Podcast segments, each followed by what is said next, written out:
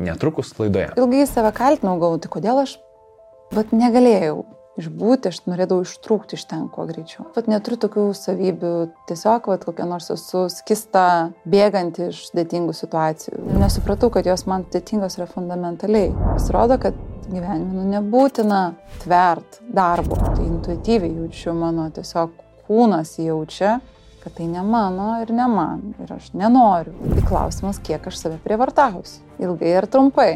Nu, kaip ir tu sakai, mes va, šito pokalbio irgi dabar kalbame ir mhm. atrodo, kad, nu, va, Kažką liktais nuvertinti. Turi savo verslą mhm. daryti, turi, žinai, ten kažkaip. Nors... O tai ką veikiai, jo, o jeigu ten tiesiog buvo mama arba žmona, tada toksai, mm, ta dienotvarkė, jinai labiau būdavo orientuota pagal vyro režimą. Dabar sakau ir skamba kaip kažkokia vergovė arba prisitaikymas. Tai iš esmės tai buvo tiesiog pasirinkimas, kad kai pasibaigė jo karjera, prasidėjo mano. Paskolinai 40 tūkstančių, mhm. turbūt su tokiu vidiniu įsipareigojimu, kad Taip. turiu būtinai gražinti. Mhm. Ar tu turėjai tokią galimybę pasilikusi, kad gali nepasisekti? Ne. Neturėjai, ne? Kodėl, iš kur va tiek tokio užtikrintumo? Mes esam užprogramuoti mirti. Bet žodis, kurį išgirsti ir vieniems yra, nu, čia nesąmonės, kitiems yra, o geras, man įdomu. Bet kas tai iš tikrųjų tau, tau yra tas longevity, apie ką tai? Adekvatus miegas, poilsio režimas, mytyba. Ir čia dabar jis taip galėtų dabar pradėti ir užmigti jau podcast'į. Žinau, nepezėk. Šimtą kartų apie tai visi kalba ir niekas iki galo neįsiklauso. Lieta įžanga, kažką pardam, susisiekė, man tai jau karšta darosi, bet čia ta istorija su laiminga pabaiga. Labai laiminga pabaiga. Labas. Blitz klausimas tau. Ar jauti šimtaprocentinį balansą savo gyvenime? Jeigu intuityviai mintise atsakai ne, esi tinkamoje vietoje. Būtent šis žodis pats pirmas atėjo į galvą po pokalbio su Agneta Kleizienė. Ir ne, tai nėra tik apie santyki tarp darbo ir asmeninio gyvenimo. Jos mintis tokio platumo, asmeninė ir profesinė patirtis tokia vertinga, kad šviežio vėjo gūsi į gyvenimą įneš ne vienam. Nuo to, ką reiškia būti garsaus krepšininko žmona, iki sėkmingo verslo, molekul įkūrimo, nuo vaikų auginimo iki naujų projektų, studijų, šiandien stipriai eskaluojamų ilgamžiškumo, papildų, kūno pozityvumo temų. Jomis Agneta turi tikrai tvirtą, mokslų paremtą nuomonę, tad pasiklausyti bus tikrai įdomu. Beje, nežinau ar matei, ar girdėjai, bet PIN Contribui pasirodė didžiausia šių metų naujiena - PIN Akademija. Tai konkrečios žinios konkrečiomis pradedantiems iš naujo aktualiomis temomis iš savo srities profesionalų. Viską, kas svarbu, nuo busimų pranešėjų iki esminio akademijos principų, rasi apsilankęs adresu pinakademija.lt. Prieš leidžiantis į pokalbį, kuris bent man vietomis taip nunešė stogą, kad norėjusi jį tęsti ir tęsti, noriu garsiai ištarti ačiū mūsų pagrindiniam remėjai - audiotekai. Ne tik padėkoti, bet ir pasveikinti su dešimtuoju gimtadieniu. Pirmas rimtas jubiliejus tik įrodo, kad audio knygos yra kaip niekada reikalingos šiandieniniam žmogui, ne visada turinčiam galimybę ramiai atsiversti knygą įsitaisius minkštame krėsle. O dabar keliamės į pokalbį su Agneta Kleizienė, moterimi įkvepiančia minę žmonių, rūpintis ne tik savo grožiu, sveikata, bet ir visapusišką gerovę. Aš esu Aurimas Mikalauskas ir čia laida Pradėk iš naujo.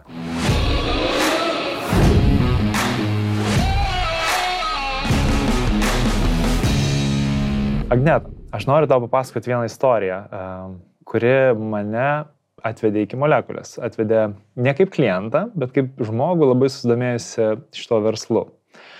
O buvo taip, kad mes su mano žmona praėjom pro molekulę, aš ten su vaiku vaikščiau pro šalį, su mažu vaiku, kuriam yra metai, tuo metu, man atrodo, gal net nebuvo dar metų laiko.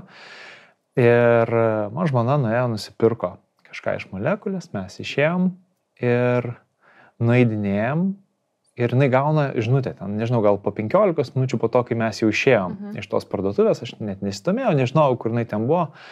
Ir jinai gauna žinutę per Facebooką nuo kažkokio nepažįstamo žmogaus, e, kuris sako, oi, labai atsiprašau, bet e, tam produktė, kurį jūs nusipirkot ką tik iš molekulės, e, yra kažkoks elementas, kuris galimai yra šiek tiek pavojingas, jeigu jūs žinote. Retinolis, kokia. Jo, mhm. greičiausiai. Ir tai buvo tiesiog kažkas iš parduotuvės personalo, pamatė mane, per mane atsiekė mano žmoną, atsikė, nu, pamatė, kad su mažu vaiku, parašė, pranešė ir mes atėjom, padarė gražinimą už tą produktą ir mes kažkokią alternatyvą pasijom. Ir man tai buvo toks, toks dėmesys klientui, kokio, man atrodo, e, ne tik Lietuvoje, bet ir pasaulyje labai reta. Yra toks atidumas detalėms ir, ir toks pastabumas klientui. Ir man po to buvo tas toks, kas čia ką tik įvyko, e, susidomėjimas ir kas už viso to slypi. Ir aš sužinojau, kad už to slypi tu, kad tai buvo tavo, verslo, tavo verslas, kuris e, tik atšventė septynis metus, beje sveikinam. Ačiū. Ir aš po truputėlį pradėjau domėtis tavim, mano žmona Judita dar labiau Mhm. ir, ir dabar noriu labai pakalbinti tave, šiek tiek pažinti. Šiaip daug temų apgalvojam, esam šitam pokalbiui, nes tikrai yra įdomu ir tavo gyvenimas, ir kaip visą tai prasidėjo, kaip molekulė prasidėjo. Įdomu longevity tema, tokia Lietuvoje, man atrodo, ganėtinai nauja. Ir mes šiek tiek esam ją, gal sakyčiau, užkabinę šitam podcast'e, bet manau, kad tikrai galėsim plačiau galbūt pasikalbėti tą temą. Tai ką, pradedam? E, Žinai, pradėjom su tokiu jau prakaitu išmuštu, aš taip laukiu, kas bus, kas bus, kas jau čia įvyko, taip pat ką mes pardavėm. Žinai, toksai lėta įžanga, kažką pardavėm, susisiekėm, tai jau karšta darosi, bet čia ta istorija su laiminga pabaiga. Labai laiminga pabaiga, tikrai. Ir man tai yra nu, taip gražu. Taip, mm, e, ir žinai, gal dėl to man, man tai labai rezonuoja, nes aš, nu, aš tikiu, kad aš pats labai rūpinuosi savo klientais. Nu, man atrodo, kad tas klientų aptarnavimas, nu, man yra numeris vienas dalykas įmonėje ir dėl to, kai aš, nu, taip žinai, atpažįstu kitą žmogų, kuris e, irgi taip pat žiūri savo klientą, nes aš nu, suprantu, kad tai yra kultūros dalis, kad, e, žinai, kad tai vis tiek prasideda nuo to, kad um, įmonės vadovas, lyderis, jisai turi tą savybę savyje, tą vertybę savyje ir jisai nu, vienaip ar kitaip ją paskleidžia savo organizacijoje ir tai tampa kultūros dalimi. Tai nu, aš bent jau tuo tikiu ir kad pritraukia tada žmonės, kurie taip pat žiūri visą tai. Žinai, e, tikrai visko atsitinka tame versle, ypatingai santykėje su skirtingais žmonėmis. Ir e, pirminė visada buvo mano idėja, tai atrasti žmogų ir pasiūlyti tai, ko jam tikrai reikia. Mhm. Ir netgi samdydama e, konsultantės e, turėjau akcentą, kad niekada nesiūlyti tai, ko jam nereikės, ką jis išmes, kad parduoti, nes parduoti. Neturime tokių dalykų kaip pardavimų planai. Neegzistuoja ten kažkoks susibrieštas kiekis, ką reikia ir kiek parduoti. Ir verslui visada smagu ir būtina aukti. Mhm. Ir tas augimas, jisai toksai kaip ir azartas, kaip ir motivacija. Bet jis daug smagiau, jeigu tai vyksta organiškai, kad ateina žmogus su poreikiu, pasidalina, ką jisai rado ir tokia kaip puzlės detalė kažką pasiūlyti reikalingo kitam. Tai tokia prasme holistinė. Mm, mm, kaip gražu. Fainai. Papasakok truputėlį man, vis tiek e, dauguma žmonių, nu, vat, stebintis tave socialiniai medijai, nu, jie mato, žinai, kas dabar vyksta tavo gyvenime, mato, kokia molekulė dabar virto. Kaip viskas prasidėjo? Pasakok truputėlį apie, apie savo vaikystę. Nes man atrodo, kad visą tai, žinai, kuo mes tampam suaugusiais, labai dažnai nu viso to šaknis glūdi tose pirminėse socializacijose, kaip mus augino tėvai, kokioje aplinkoje, su kokiais draugais augam. Ir kartais, aišku, mes tą mm, gal įvairius įvykius, kurie nutinka tame etape, kartais peraugam, kartais, e, kartais ne. E, ir labai įdomu, kokia buvo tavo ta pirm, pirminė socializacija, kokie yra tavo ryškus, stiprus vaikystės prisiminimai.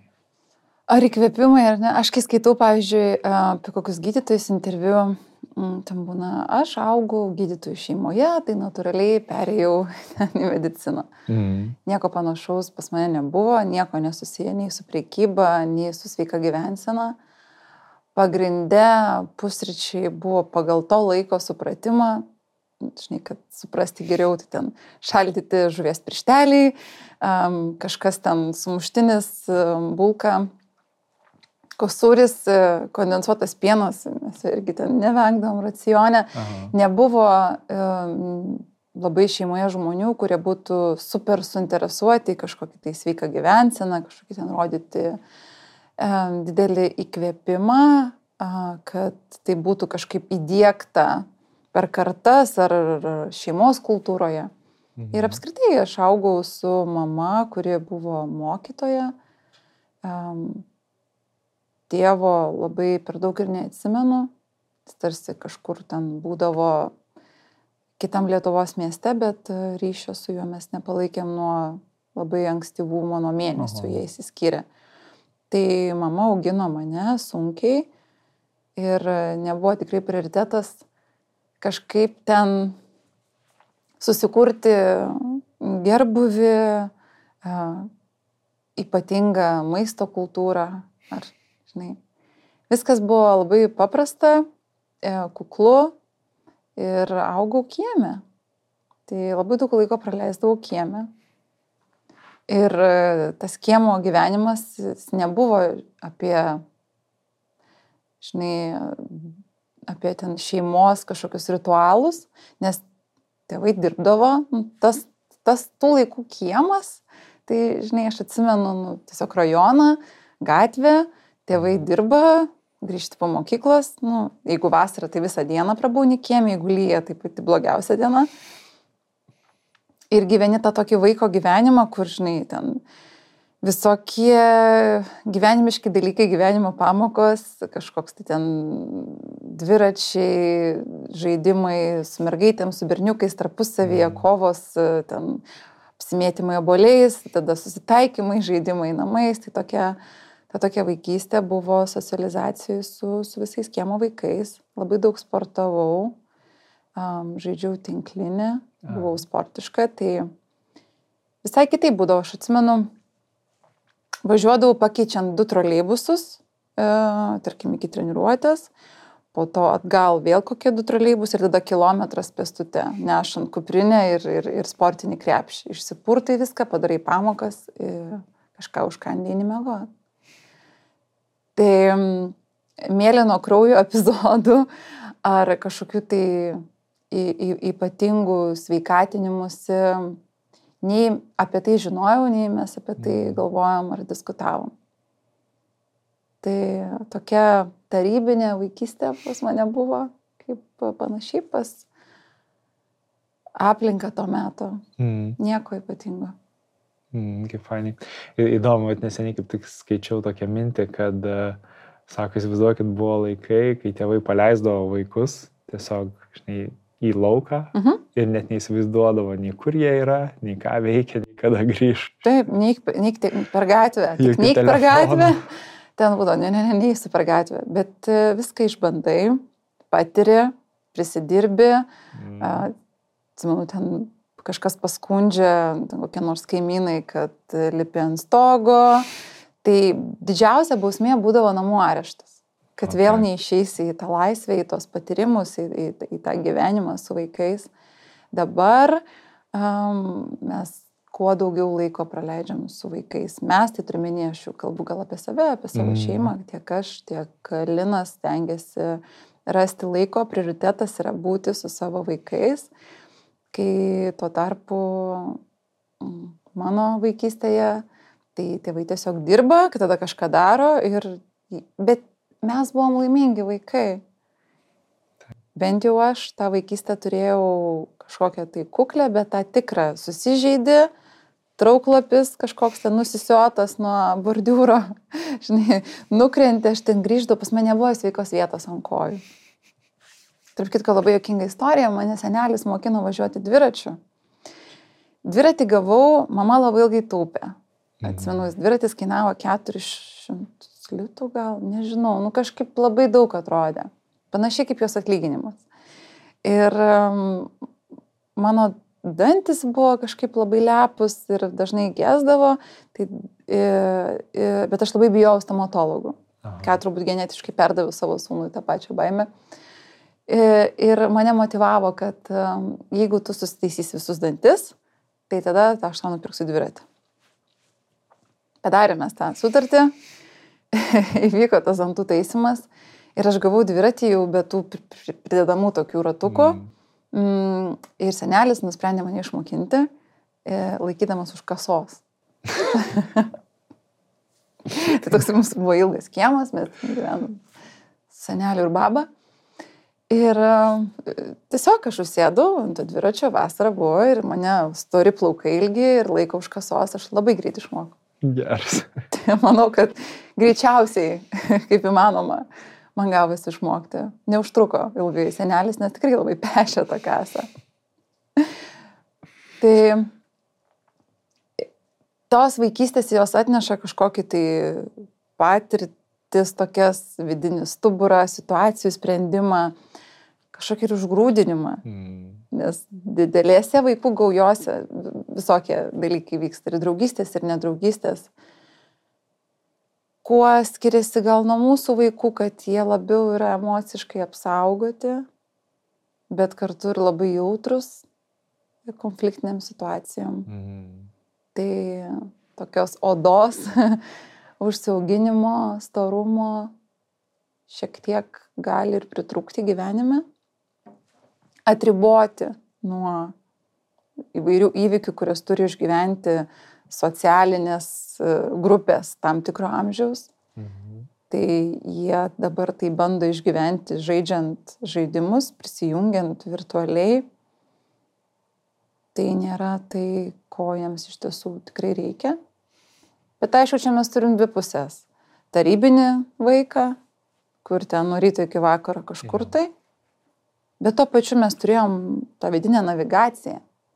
Kažkaip aš nepamenu niekur, kas būtų va taip labai baisiai kažkas kažkam atsitikę visam tam rajone, nes turėjom ir tą atsakomybę, ir žinojimą, kad reikia grįžti pavalgyti, ir ten pamojuos, kada grįžti namo. Kažkoks toksai buvo vis tiek rėmai, nors tas laisvės daug, bet, bet buvo atsakomybės ir pareigos. Mm. O dabar yra viskas apie malonumus vaikam. Kuom jau dar tą vaiką čia kažkaip nustebinti ir palepinti, apsaugoti nuo visko ir, ir neleisti išgyventi konfliktų, į kiemą išbėgti nesaugu. Tai jie tokie labai uh, visi apsaugoti, patys nuo savęs. Kaip įdomu. Tikrai aš pagalvoju, nu mes, kai augom, mes kaip ir, nu, kaip, kaip ir tu sakai, um, mes išgyvenom tas emocijas visas, nu, labai daug patirčių, labai daug emocijų. Aišku, kita vertus mes nekalbėdom apie tai. Nu, bent jau mano atveju, nu, tai buvo tokia kalba, kurios mes nepažinojom. Ne, nu, ne, tėvai nekalbėdavo apie emocijas, mes nekalbėdom ir nežinodom, kaip apie tai kalbėti. O dabar atvirkščiai mes tengiamės neišgyventi tų emocijų. Atrodo, kad... Tiesiog net nesusidaryti tokios situacijos, kad tu tas emocijas atsidurtum. Mm. Kaip baisu. Tai dvi medalio pusės, toksai kažkoks, nueinam į kraštutinumus ir galim kalbėti apie tą emocinę savijautą, ten tirti ją, bet kažkokiam tokiam fiktyviam išbuvime pačio gyvenimo. Mm. Kažkaip labai linkėčiau savo vaikui tos dalies savo vaikystės kai buvo kiti visai prioritetai. Ir um, sociumas, kuris uh, šiaip labai būdamas uh, namuose, ypatingai mano sunus vienas auga, e, tokia susikūrė aplinka dar, žinai, tarsi kaip ir pagal save labai paisai savo norų ir poreikių, kad ten visada jaustumėsi gerai, tai good vibes only. Bet kažkada tai realus gyvenimas vis tiek prasidės. Mm. Ir aš galvoju, vis tiek reikės viską patirti. Tik tai gali būti adaptacijos trūkumas. Mes vasarą stengiamės turėti tokias, kur sunus galėtų taip labiau pasireikšti kaip autonominis pilietis. Kažkur jau biškinu važiuoti su dviračiu, ten iš, iš, išbandyti save atsakomybėje E, kažkokiose vaikų didžiose nu, grupėse jie ten kažkur susigalvoja, ten eit kažkur picos, kažką tai jau į toliau ir į parduotuvę ir būna toksai nesaugumo jausmas, mm, bet e, duoti ir jiem tos atsakomybės, galimybės Ir išsiderėti netgi tai irgi turi mm. kažkoks laimėjimas. O kiek metų sūnui dabar yra? Bus devyni vasaros. Devyni. Gerai, apie tavo vaikystę. Dar kas tave įkvėpdavo? Ar atsimeni kažkokių serialų, filmų, knygų, kurios buvo, kurios nu, uždegė, pažadino tavyje, žinai, kažkokį tai ugnelę? Mm, visada augau su muzika. Pas mane muzika buvo, iš pradžių ta muzika buvo um, įsirašinėjant į kasetę iš radijo. Tai aš ten būdėdavau prie tų radijos tačių mėgstamų, tada du mygtukai, mm. įsirašai. Ir po to, atsimenu, per kalėdas paprašiau pleirio, toks nešiojimas su batareikom. E, bet klaidingai prašiau, noriu ausinių ir man tiesiog ausinės padovanojo. Toks feilas buvo. Čia nei ką kalti, nei tą senį šaltį. Kažkaip norėjau, kad suprastų, bet neišskaitė per daug, nespėjo pasigilinti. Mm. Tai laukiau ten tada kitų metų, kada jau tą kitą dalį. Tai šiaip... Atlaikai buvo, kaip pagalvojai, metus visus turi laukti. Nieko, bet už tai labai džiaugiausi. Um, tai labai labai klausiau daug įvairios muzikos ir um, pirkdavau netgi žurnalus e, apie ten kažkokius Lietuvos atlikėjus. Aš galvoju, kaip tas žurnalas vadinosi. Netgi būdavo toks pop art kažkokie koncertai, kur e, tangomanija. Mm. Ir, e, ir susikūrė tos pirmosios šokių grupės ir lietuviškos, tai aš buvau nebeinga vis, visom, nei ir rusiškai, nei lietuviškai, nei užsienio. Tai MTV Viva klipai buvo tiesiog kažkokia fantastika, aš ten žiūrėdavau ir įsivaizduodavau save. Tai didžiąją dalim, e, sakyčiau, kad muzika, atlikėjai, skaitydavau po to žurnaluose, dalindavomės e, tekstais, mm. išsiversdavom tos lyrics ir ten pasirašai originalą, išsiverti lietuvių kalba ir taip galvojant, ką čia norėjo pasakyti, o čia gilu, nes, nu, žinai, e, atsimenu, ten per balius suaugusių, tai jie ten kažką dainuodavo, žinai, savo interpretaciją anglų kalbą, kai ten tų žodžių išgirsti. Ir man visada labai rūpėjo sužinoti, kaip tiksliai tas žodis tarėsi ir kokia yra tikra reikšmė. Mm.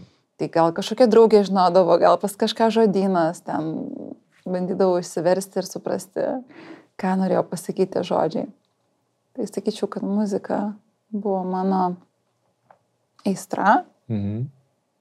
Atradai kažkokią formą, bet tam, nu, kaip čia pasakyti, realizuoti savo tam kūrybiniam elementui, šitoj srityje.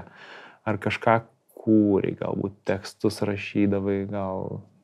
Numarinta viskas buvo, um, kažkaip nebuvo labai atkreiptas dėmesys į tą mano pomėgį. Ten, žinai, taupydavau, kaulindavau pinigų ant kasečių, klausydavausi vakarą kaip išprotėjus ant to radijos, rašinėdavau, darydavau savo kasetę su savo dainom, tada užsirašyt kaip baltą kartoną, tada užsirašai dainas, nu, kad žinotum, kuri po, po ko. Mm. Ir turėdavau savo radio laidą, patys improvizuodavau. Jeigu kokia draugė pasitė, tai aš ten įrašinėjau, tada savęs klausau Tai vad, podcasterė šiaip buvau niekam netrasta. Ir, ir nepastebėjo niekas mano to polinkio per daug, kad tai paskatintų kultivuot. Mhm. Tai jokių muzikos mokyklų nebuvo. Ir pieždavau labai daug kažkokiu ten apie madą, kažkokį ten įkvėpimą pagaudau iš žurnalų, kažkaip stengdavausi tų žurnalų susigaudyti. Ir, ir ten tos mados, ten tos damos, visos man atrodo, wow, kažkokia fantastika, aš vis bandydavau kažkaip perpiešti. Bet tas visas kažkaip nusislopino, nes nebuvo per daug kultivuojama, mm. o to mhm. tokio vidinio dalyko, ką aš noriu daryti, taip ir pati dar nesupratau, nes buvo visko daug. Po to jau ten prasidėjo po sporto, dar jau pasidarė įdomios diskotekos, dar ten, žinai, išsitaškai visas pusės, ką tu turi padaryti. Ja. Ir, ir, ir tarkim ir iš biologijos dešimtukai ir mintinai dainavimas ten, žinai, visų augalo sudėčių ar lastelės, e, irgi aplinka netkreipė dėmesį, o aš pati nesupratau, kad tai svarbu. Mm.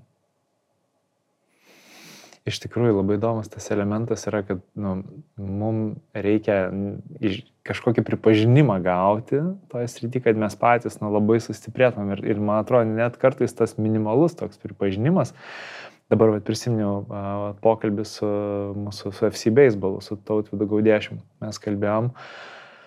E, ir jisai iki 26 ar 27 metų, nors buvo prirašęs ten šimtus, gal net tūkstančius dainų ir jo tekstai tikrai labai gražus. Jisai niekam nebuvo išdrysęs padainuoti, parodyti to savo pusės, nors ten darydavo bet kokius darbus ir kad tik galėtų skirti laiko tam kūrybiniam procesui, bet bijodavo kažkam parodyti, kol ten neatsirado, nu, neištiko tas momentas, kai tiesiog jisai dainavo dainą, galvoja, nu, ten vidurį nakties galvoja, kad jisai vienas, bet kažkokie uh, žmonės šalia, ar tai balevojo ir tiesiog jie atėjo į studiją ir nuščiuvę klauso, kaip jisai dainuoja ir sako, nu ten jisai pamatė, išsigando, bet sako, ne, ne, dainuok, dainuok, čia kažkas.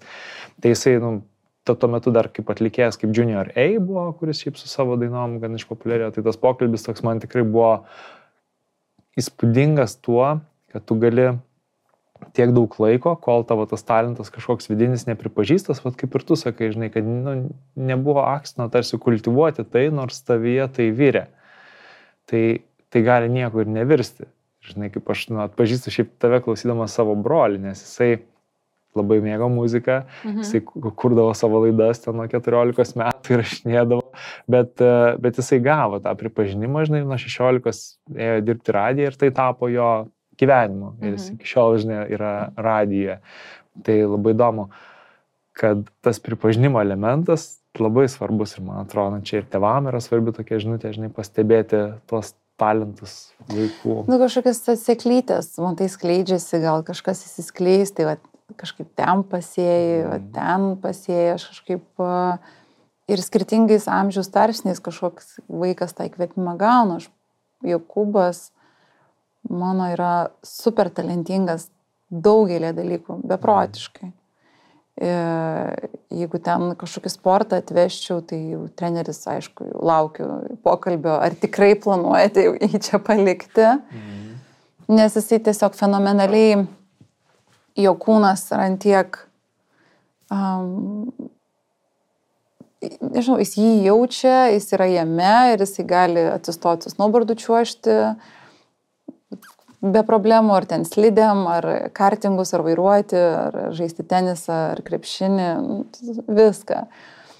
E, tai jisai išbandęs yra tikrai visus sportus ir aš sąmoningai leidžiu jam nu, kažką keisti, pasirinkti, išbandyti save. Jeigu pabandus keitą, jisai gali ten ant rampų duotis. Mhm. A, jeigu nueisi kokį ledo rytulį, jis, jis jau čiuoš. E, bet jam yra labai svarbu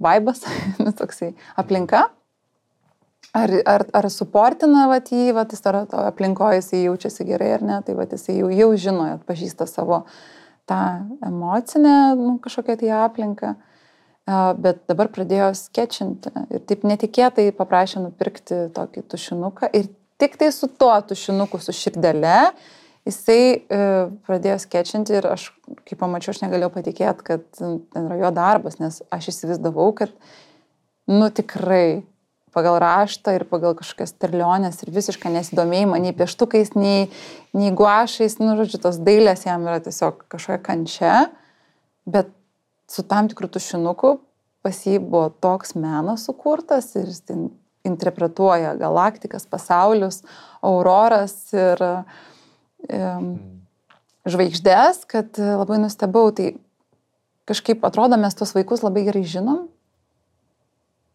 bet mes tik įsivaizduojam, kad juos labai gerai žinom, nes įtaką jie gauna kiekvieną dieną iš aplinkos ir pasaulio ir kažkas vis gali naujai užgimti. Čia panašiai kaip ir su artimu žmogum, kur jau galvoji ten, aš tai pažįstu, žinau. o mes nesam kėdė ar stalas, kad jau nebus kitoks. Mm.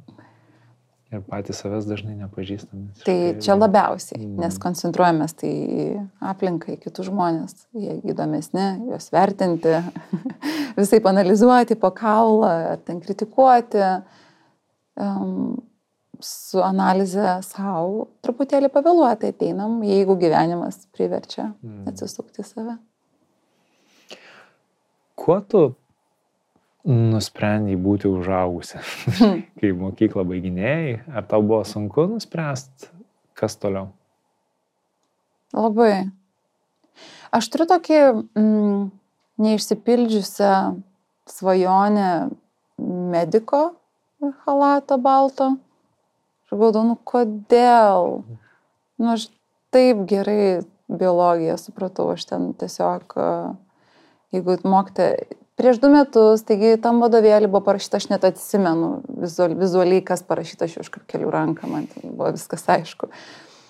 Um, bet uh, viduriniai mokykloje turėjom tikrai labai prastą mokymą chemijos, mhm. spalvindavom kažką ir man ta chemija būdavo kažkoks tai, nežinau, Nu, tikrai atrodė labai sudėtinga ir painu, nes tiesiog nebuvo gero pedagogo. Atrodė tiksliai mokslai, tai gal vis dėlto ne man. Mm. Ir tada labai susižavi kažkokiais tokiais kapitalistiniais uh, idealais, kažkokius ten verslo vadyba dar tada buvo. Tai aš stojau į, į, į, į dvi pozicijas, mane priemė ir tarptautinių santykių vajų, ir, ir, ir, Aha. ir verslo vadyba. Ir man viskas gerai skambėjo tiesiog iš gerai, gerai atrodo. Tai tarptautiniai santykiai, tai aš galvoju, kokie čia tie tarptų, tarptautinės tautos vat, santykiai tema. Nors nu, politikos mokslai. Toksai visai net nesupratau, o tarptautinė vadyba, tai nu, vadyba, nu, čia kažką reiks menedžint, vadovaut, būti svarbiai. Imam. Mhm. Tai ir po to supranti, kad e, toks apie nieką. Nu, šiaip platu, bet ką su to daryti, neaišku. Bet pabaigai? Pabaigiau. Šitas studijas. Mhm. Mm. O studijuodama e, dirbai? Mhm, dirbau. Ne, kuo dirbai? Dirbau visai, dirbau ir viešbutyje pardavimų vadybininkė, dirbau televizijoje netgi, dirbau Baltijos kanale. Tai... Eterija?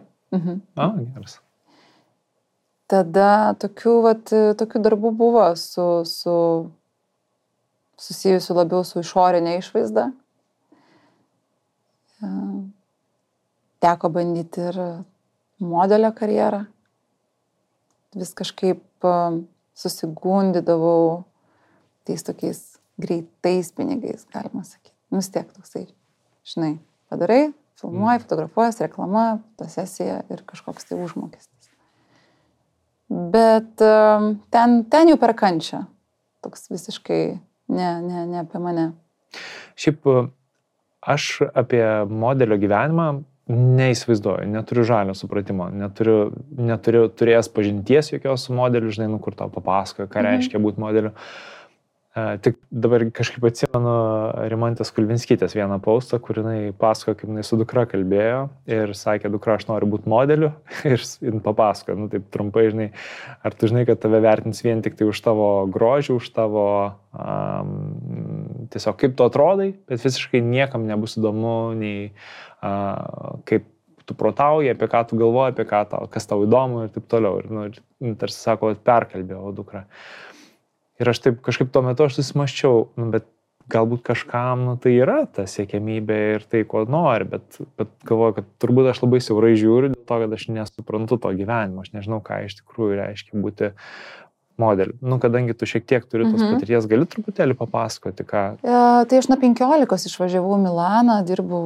agentūrose, po to buvo ir kitos šalis, ir ten ir Vokietijoje, ir, e, bet um, atsimenu, man agentūros vadovė sako, e, tai va tau reikėtų gal į New Yorką.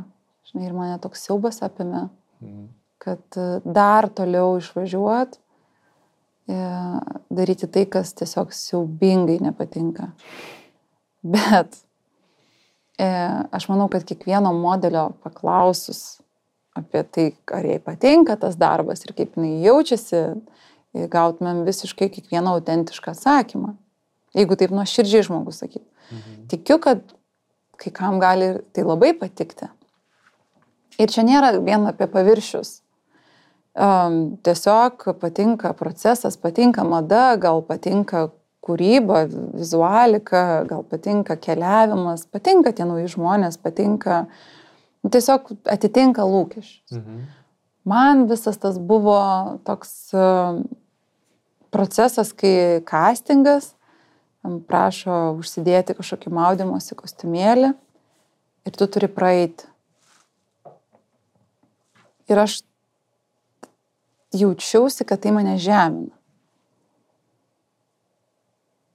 Bet gali turėti kitą požiūrį ir nesijausti taip, jeigu mhm. nesijauti. Ir matyti tai kaip galimybę kažkur atsidurti ant kažkokio tai žurnalo, ant kažkokio tai viršelio, kažkokioje reklamoje gauti uh, už tai atlygį, tada toliau gauti kitą darbą, gal jau po to nebereikės vaikščioti su tam audomuku ir gal jau tave atpažins, va taip iš karto ir, ir bus win-win situacija. Mm man atrodė tai kančia ir aš nebuvau motivuota tai daryti. Bet pabandai, nes atrodo, kad nu, vat, galėčiau. Ilgai save kaltinau, galvoju, tai kodėl aš vat, negalėjau išbūti, aš norėdavau ištrūkti iš ten kuo greičiau. Kaltinai dėl to, kad negalėjai išbūti? Mhm. Jau tiesiog vat, neturiu tokių savybių, tiesiog vat, kokia nors esu skista, mhm. žinai, tokia bėganti iš sudėtingų situacijų, Tada nesupratau, kad jos man atitinkos yra fundamentaliai. Dabar daugiau žinau apie save ir, ir tie pinigai jau nebe tokie svarbus. Žinai, kad kažką jau taip darytum per tokį mm -hmm. žarnų maudimą. Gal gali truputėlį plačiau papasakot, vad ką turiu menį, sakydama, kad fundamentaliai tau uh, netiko tai. Nes man atrodo, nu, čia yra svarbus momentas, žinai, suprasti, ką reiškia pajausti, žinai, kad tai tiesiog yra ne tau iš tikrųjų. Tiesiog visų kūnų pajauti, kad tave tas visas procesas, visos tos atrankos vargina, mm, aš jį patyriau tokį, vat, mane žemindavo ten, eiti ir kažkas ten vertina, po to ten kažkas taso, peša plaukus, uh, ne, nesukurdami ryšio ten kažkokį tai tave, žinai, kaip mechaniškai. Um, bet žinai, atsiduriu kartais ir, aš, ir iš kitos pusės, kai esu aš užsakovas ir ten per daug laiko irgi neturiu kažkaip ten labai atliepti ir sukurti ryšį su kokia nors ten kitų modeliu ir taip žiūri tik tai greičiau gauti kažkokį rezultatą. Tai tas žmogus irgi gali kažkoks raiktelis pasijausti. Kažkokiu tokiu veidrodėliu, irgi po to atsiranda situacijose, kai tada atrodė, kodėl tie užsakovai tokie mechaniški. Mm. Ir, ir, ir, ir tokie vat, reiklus ar netliepiantis. Tiesiog supranti, kad e, po to tai yra darbas ir ten, nu, nečiučiuot tavęs atėjo, o tiesiog kai yra jaunas žmogus, jam gal ir norės ir, tos, ir to paglobojimo, ir, ir tos globos. Tai, tai vis tik tai tai buvo ne apie mane. Ir, ir labiau su priekaištu savo, nesupratau kodėl. Ir galvodavau, nu, vat, kitos gali ir puikiai savo dirba, keliaujam, patinka. Mm. Patinka, patinka keliaujam, man atrodo, toks stresas keisti tos viešbučius, tas vietas, tas lovas čia dabar paskrini pamiegi, dabar kitur važiuoju ir aš pamatau ten tą, tą rūbų kalną, kokį reikia fotografuoti, man tokia panika, toks siaubas apima, kaip visą tai ištverti. Tai pasirodo, kad gyvenime nu, nebūtina tvert darbo. Nors auklėjime, taigi viskas būdavo su tokiu, nu, tokia drama, su tokiu vat, išbuvimu. Mhm. Oi, man patinka. Tai, žinai, niekam nepatinka eiti darbą, bet reikia, bet reikia. Reikia gauti atlyginimą, reikia išmaitinti, reikia taupyti, reikia kažką. Tai va tas toksai, žinai, herojiškas ei, lipimas per save. Mm, good vibes only. jo, ką patartum, tu savo, dabartinė Agneta, sutikusi tą mergaitę? kuri nu, tiesiog jaučia visų kūnų, kad tai ne jai. E, aš nežinau, ar iš vis reikia patarinėti ir klausytis patarimų. Nes niekas nėra autentiškiau kaip tavo paties praeitas kelias ir tavo išjautimas ir supratimas. Nes tik tai atsigėrus to vandens aš galiu pasakyti, ar jis man skanus, ar man jo reikėjo, ar man patiko, ar aš jį toliau norėsiu. Ir aš kuriu santyki pati su pasauliu. Tai va tie tokie smart patarinėtojai, e, aš jų bijočiau. Hmm. Nesikreipiu aš patarimo, nebent ten dėl suknelės, jeigu kažkur reikėtų eiti. E, ir tais autoritetais, žinai, įsivaizduojam, aš, gal aš, aš labai, žinai, mėgstu tą, e, manau, kad visi žmonės, tai tokį, žinai, hiperbolizavimą, mes visi ten, mes mėgstam, tai aš dabar bandysiu sugrįžti save ir sakyti iš savo pusės. Uh, Tai aš pastebėjau, kad aš mėgstu, aš pastebėjau tą pas kitus žmonės, susikurti kažkokius tai žinovus, e, kurie jau, jau geriau žino ir jie galėtų patarti. Mhm. Kažką labai suaukštinti, kažką labai sumenkinti. Mm, ypatingai tas atsiskleidžia akademinėje aplinkoje, kad jau kažkoks laipsnis jau turėtų būti labai viską žinantis. Ir kai kažko nežino, ką tu žinai, atrodo, tai kaip tai tik tai, tai profesorius visai kažkoks nukvakęs gal. Tai kaip jis, kaip jis, kaip jis profesorius šiandien? Yeah. Nes per daug kažkokius užkeli ir, ir atrodo kažkas tai, kad nežino kažko, kad tu žinai, tai irgi tada kažkoks nuvertinam. Tai va ir tie patarimų dalintojai. Nu ką tu gali pasakyti 15 metų žmogui? Nedaryk, pajausk save ten, dar kažką. Tai gyvenk. Ta gal galėčiau tik pasakyti. Mm. O kaip tu jauti dabar, va, tu šiek tiek kaip ir papasakai jau tą jausmą, kai esi ne savo vietoje, nu, kur kūnas tarsi priešinasi. Mm -hmm. Kas, kaip, kaip dar tu dabar jauti, kad neturėtum čia būti? Nu, vat, kažkokioje vietoje, kur tu, tarkim, esi mm, manekenė, ne? Nors greičiausiai ne ten turėtų būti.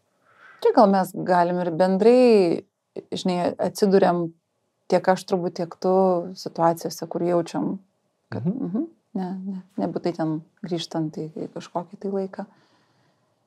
Bet um, jeigu tu turi tą tokį vidinį, žinai, savęs įsiklausimą ir žinojimą, tai aš tai intuityviai jaučiu, mano tiesiog kūnas jaučia, kad tai ne mano ir ne man ir aš nenoriu.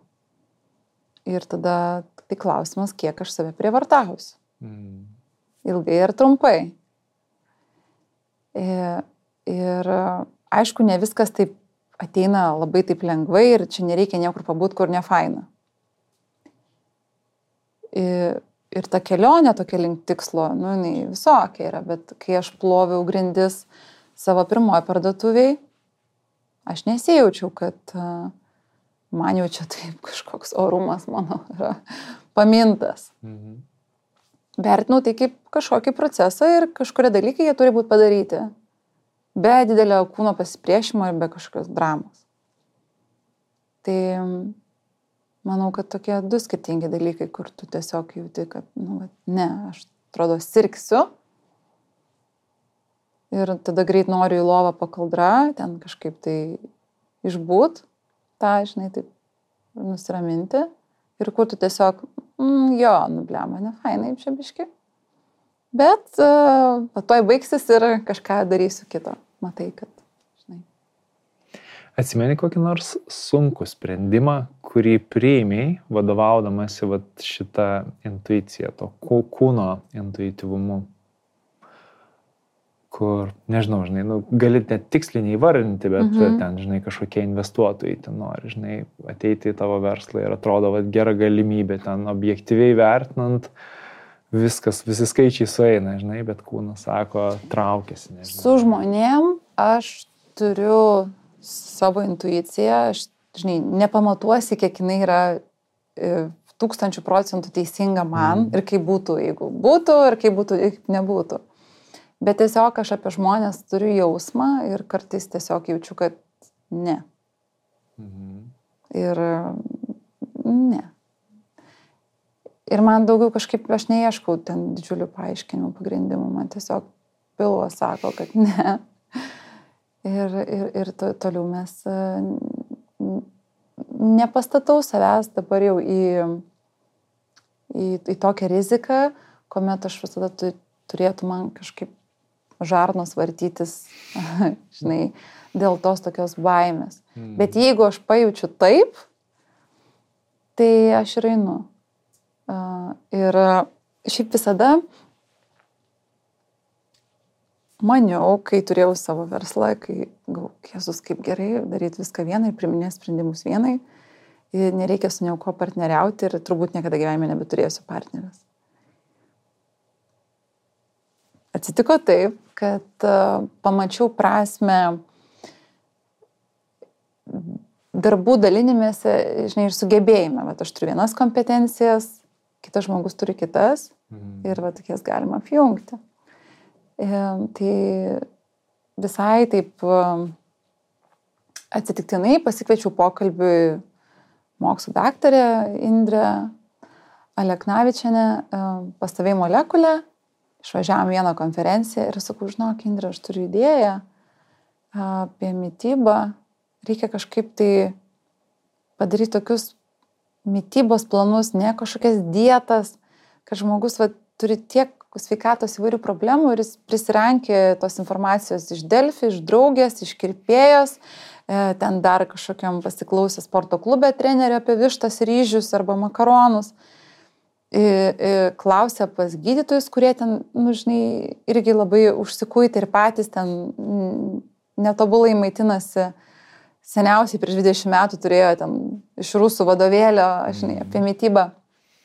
Bent į tą mūsų piramidę pasižiūrėjus, ten jau galima, žinai, užsivošti. Tai sakau, būtų fainai mano idėją adaptuoti į, į, į, į gyvenimą, Ir e, šiandien mes esam nu, lygiai vertės partnerės ir jau mūsų projektas jaunin tuoj, tuoj bus pagimdytas. Ir, ir aš ėjau be jokių ten kažkokių saugiklių, ten dėlių sutarčių, dėjom tos pinigus per pusę. Nes, nežinau, mano žarnas jaučia, kad e, žmogus yra patikimas, e, vertybėmis panašus į mane. Mm. Ir kažkaip juok, nu, taip iš aplinkos žmonės ten dar stebėjosi, man tokia draugė teisininkė. O tai jūs pasirašėt vat, kažkokias ten sutartis, ten kas būtų, jeigu ten kažkas būtų. Aš tokia sakau, ne.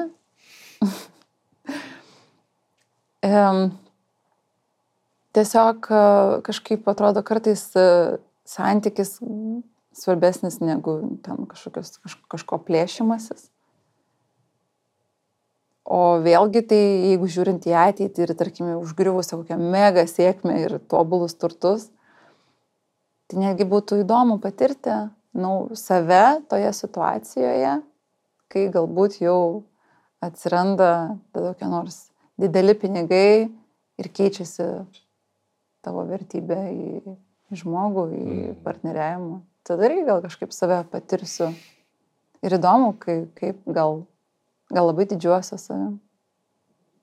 Tai iškilinkusi savį ir išbandyti. Mm. Bet grįžtam prie to, kad yra kartais ne tai, kad ir ne, bet būna taip, kad ir taip. Mm. Taip kaip ir su molekulė. Tokia kaip ir idėja, atrodo, uh -huh, jo, gerai, va šitą. Daug, dar aš būtinai grįšiu prie molekulės pradžios, mhm. nenoriu nuskubėti. Šiaip faina labai, kad labai įdomu, žinai, kai tu vardinis, žarnas mano jaučia. Ir tai skamba taip grūviai, bet aš ne, ne per seniausiai vieną kelionį klausiau knygos e, Žarnyno žavumynai, mm -hmm. kuri, kuri visa knyga parašyta yra apie mūsų žarną ir taip. intelektą ir taip toliau, ir kiek ten nu, visko vyksta. Ir man tai buvo, wow, įspūdinga, kiek, ta prasme, vienas organas, apie kurį mes taip mažai žinom ir dažnai net nelabai esam linkę kalbėti daug, kiek ten yra ir, nu, ir gyvenimo, ir veiksmo, ir intelekto iš tikrųjų, kiek yra tam žarnynė ir tas net, kai žinai, kai sakai žarnom įsijaučiu, net nėra visai netikslu. E, Turiu tiesioginį gut brain axis ašį. Mm. E, Didelis nervas susijęs su žarnynu ir smegenų veikla ir nuotaika. Šiaip tai mūsų žarnose gaminas ir laimė. Mm. E, Serotoninas tas pats. Tai yra žarnų nuopelnas. Tai man šiaip labai gražus žodis yra žarna. Aš dar turiu kažkokį tokį, žinai, Toksai. užarnas. Žarnas man toks atrodo, vat, nežinau, bet aš su biologija fetišas. Tai Galbūt. ir toksai ryškus žodis, ir žarnos yra kažkokios tai nepelnytai, tokios nuvertintos. Ta aš irgi neseniai sužinojau.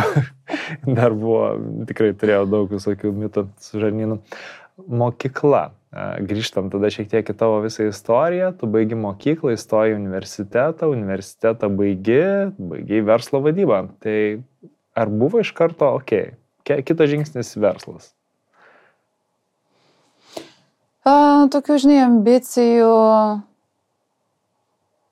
ambicijų čia ateiti ir padaryti, tai aišku norėjusi, bet a, truko know-how. Mhm. Toks, tai ką aš čia dabar? Ką aš čia dabar darysiu? Tai mm, pasimatavau ir buvimą, žinai, poroje, tą, tą tokią aprūpintą pusę, kur, žinai, nu, tau nebūtina čia jau kažkaip labai persistengti.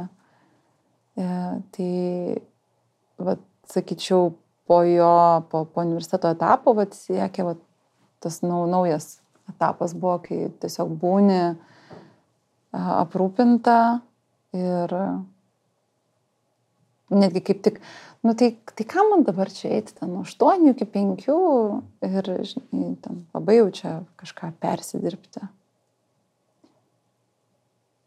Kažkam dirbti, tokių, žinai, ambicijų, ne va jau kaž, kaž, kažkodėl tai jau čia sudėtinga. Nors tą pinigų kainą tai aš aiškiai supratau, bet uh, laukiau, gal sakyčiau, aš kažkaip taip ir, ir visai teisingą sprendimą priemiau. Koks jausmas tau buvo e, būti tame? Nu, nes kaip ir vis tiek tu matei, žinai, čia man toks, e, kaip čia pasakyti, atrodo, daug proto virsmų turėjo vykti. Viena vertus, žinai, tu matei sunkiai dirbančią mamą, Mhm. kuri, žinai, vat, sunkiai tarsi išlaikydavo tave ir ten turėdavo labai daug dirbti, mažai laiko galėdavo tam skirti. Tada vienas dalykas, tu kaip ir stoji verslo vadybą. Ir čia jau, nu, kaip ir vis tiek mintis galbūt kažkokias apie savo verslą. Ir verslas yra, žinai, irgi atrodo labai toli nuo to, ką tavo mama matė. Ir nežinau, kaip tavo aplinka, bet aš augau tokioje aplinkoje, kur verslas buvo matomas kaip nu, didžiulis blogis, nes tuo metu ten Sovietų sąjungos virsmas, žinai, į, vat, virstame staiga nepriklausoma šalis ir prasideda ten visokie a, makleriavimai, žinai, kažkas ten perpardavinėja, iš to uždirba pinigus, ten kažkas, nežinau, ten tuos atsimenu, nu, akcijas ten superka ar ne, ten į, į kurią, nu, tokių daug buvo visokių, a, kaip čia, tamsių dalykų ir visą tai pris, nu, verslui pririždavo. Tai čia, žinai, viena kaip ir šis kita, šis yra tavo pažinti su linu, ne? Ir va, tu tarsi dabar gyveni santykėje, kur tau nebūtina dirbti, kad uždirbti pinigų. Kaip tavo protas, va, iš dabartinės perspektyvos žiūrint, žinai, susitvarkė su visu tuo? Tai mano protas pasimatavo visus scenarius, jisai pabuvo tame. Mhm. Ir nebuvo sunku, nu, kaip čia, ar buvo lengva taip pereiti tą, kad, o geras, aš nebeturiu dirbti, žinai, ir, nu, tarsi gali ten mėnesį laiko, žinai, taip Mhm. būti tame, gal, aš nežinau, a, bet po kažkiek laiko tarsi jau toks prasideda, nu gerai, o ką aš darysiu su savo gyvenimu, žinai, kuo. Ar tu pradėjai kažko domėtis tada? Kaip leisdavai savo, savo laiką, žinai, kur, kur dėmesį savo sutelkdavai?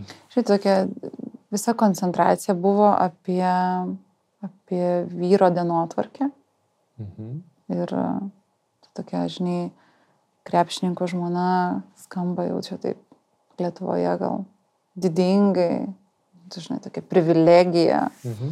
tas išrinktosios. A, iš esmės tai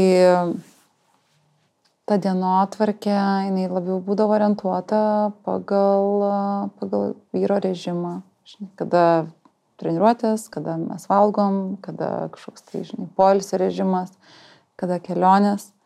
Ir tada jau viską dėliojasi aplink, bet čia, žinai, gal dabar sakau ir skamba kaip kažkokia vergovė arba prisitaikymas. Tai iš esmės tai buvo tiesiog pasirinkimas, kad šiai dienai eisime tuo keliu, kuris atneš didesnę poro šeimos finansinę naudą, mhm. tol kol dar kūnas leidžia, ir tokiu bendru sustarimu kartu leis laiką ir tada, kai pasibaigė jo karjera, prasidėjo mano. Mhm. Tai viskas buvo, nu, kažkaip sutarta, nes abu daryti karjeros keičiant šalį, mm, negalėjom. Tai mano laisvalaikis, žinai, buvo toks labiau um, vis tiek į save, nes labai tos socializacijos didelės keičiant šalis nebuvo. Knygos, filmai, žinai, kažkokios tai online'inės paskaitos, kažkokie tokie domėjimaisi. A, medicinos mokyklą buvau stojusi, dar bandžiau skraidyti, laikytis egzaminus. Tokio undergroundinio, žinai, mokslo, kas va, įdomu man pačiai. Bet tikrai aš asmeniškai aš turėjau trūkumą savirealizacijos. Man nei neužteko kažkokios naujos šalies, mhm. um, kelionės, daikto, tikrai mm, trūko, bet trūko tokio, ne, nežinai, kad uh, kažkokiam statusui dabar, nu tai ką, ką aš čia veiksiu arba ką aš čia turiu parodyti, man trūko kūrybos. Mm. Mm. Tokio, tokio dalyko, kur vat, sunku jį gal įvardinti, bet jis labai svarbus man. Bet čia neturi būti svarbu kiekvienam. Ir mes dabar gal savo tokių pokalbių galbūt galėtumėm galimai įžeisti tas moteris, kurios pasirenka, pavyzdžiui, būti namuose, tarsi jau jos kažkaip savęs nerealizuoja. Mm. Čia irgi toksai labai neteisingas, e, nuvertinantis požiūris, nes jos galbūt labai save realizuoja vaikose, šeimose, būtyje, nes čia yra irgi lygiai taip pat e, atsidavimas. Tai pas mane jo mažiau. aš labiau prioritetą skiriu savo kūrybai, nes man šaukia siela šito. Aš to nepasirenku sąmoningai, nes kitaip negalėčiau. Tai tas visuomenės kategorizavimas ten, e, žinai, ir, ir galbūt netgi pats tas klausimas, o tai ką tu veikdavai? Žinai, tarsi privalau kažką labai veikti, ne? O kodėl man negali tik tiek patikti ir tikti? Nes ten kita, žinai, kažkokiam bankui gali vadovauti ir, ir bet gal jinai vadovauja bankui neturėdama savo asmeninio gyvenimo, gal jai šeima neprioritas, gal net nenori būti santykiai, arba ten vaikai auga patys savo ir, ir, ir, ir toliau, žinai, nu, tai yra tiek visokių gilių ir pločių, mes labai susiorientuojam ir koncentruojamės ties tokiu, žinai, stereotipiniu paviršium. Ja, čia nu, toks labai labai gilus klausimas iš tikrųjų, žinai, nes realiai nu, mes tik patys galim pasakyti, ar mes save realizuojam ar ne. Kaip ir tu sakai. Nu, bet leidžiam apspręsti. Bet leidžiam apspręsti. Ar tai. ten įvatinai save realizavo. Leidžiam jo ir, ir, ir mes klausom, ką tarsi visuomenė sako, mhm. kokios yra visuomenės savirealizacijos normos, žinai, kas nu, yra nu, toks oksimoronas, nu taip negali būti, žinai, nu tokia visiškai logikos tame nėra, bet mes nuolat tai darom ir tai yra, nu kaip ir tu sakai, mes va šito pokalbio irgi dabar kalbame ir mhm. atrodo, kad, nu, va, Kažką liktais nuvertinti. Turi savo verslą mhm. daryti, turi, žinai, ten kažkaip. Nors... O tai ką veikiai, jo, o jeigu ten tiesiog buvo mama arba žmona, arba ten tada toksai, mm, mm. Yeah. Tai, o, o kokius ten kursus ten online, o kokius ten tau ten kažką, čia žinai, iš vis tokie ačyveriai turim būti be sustojimo.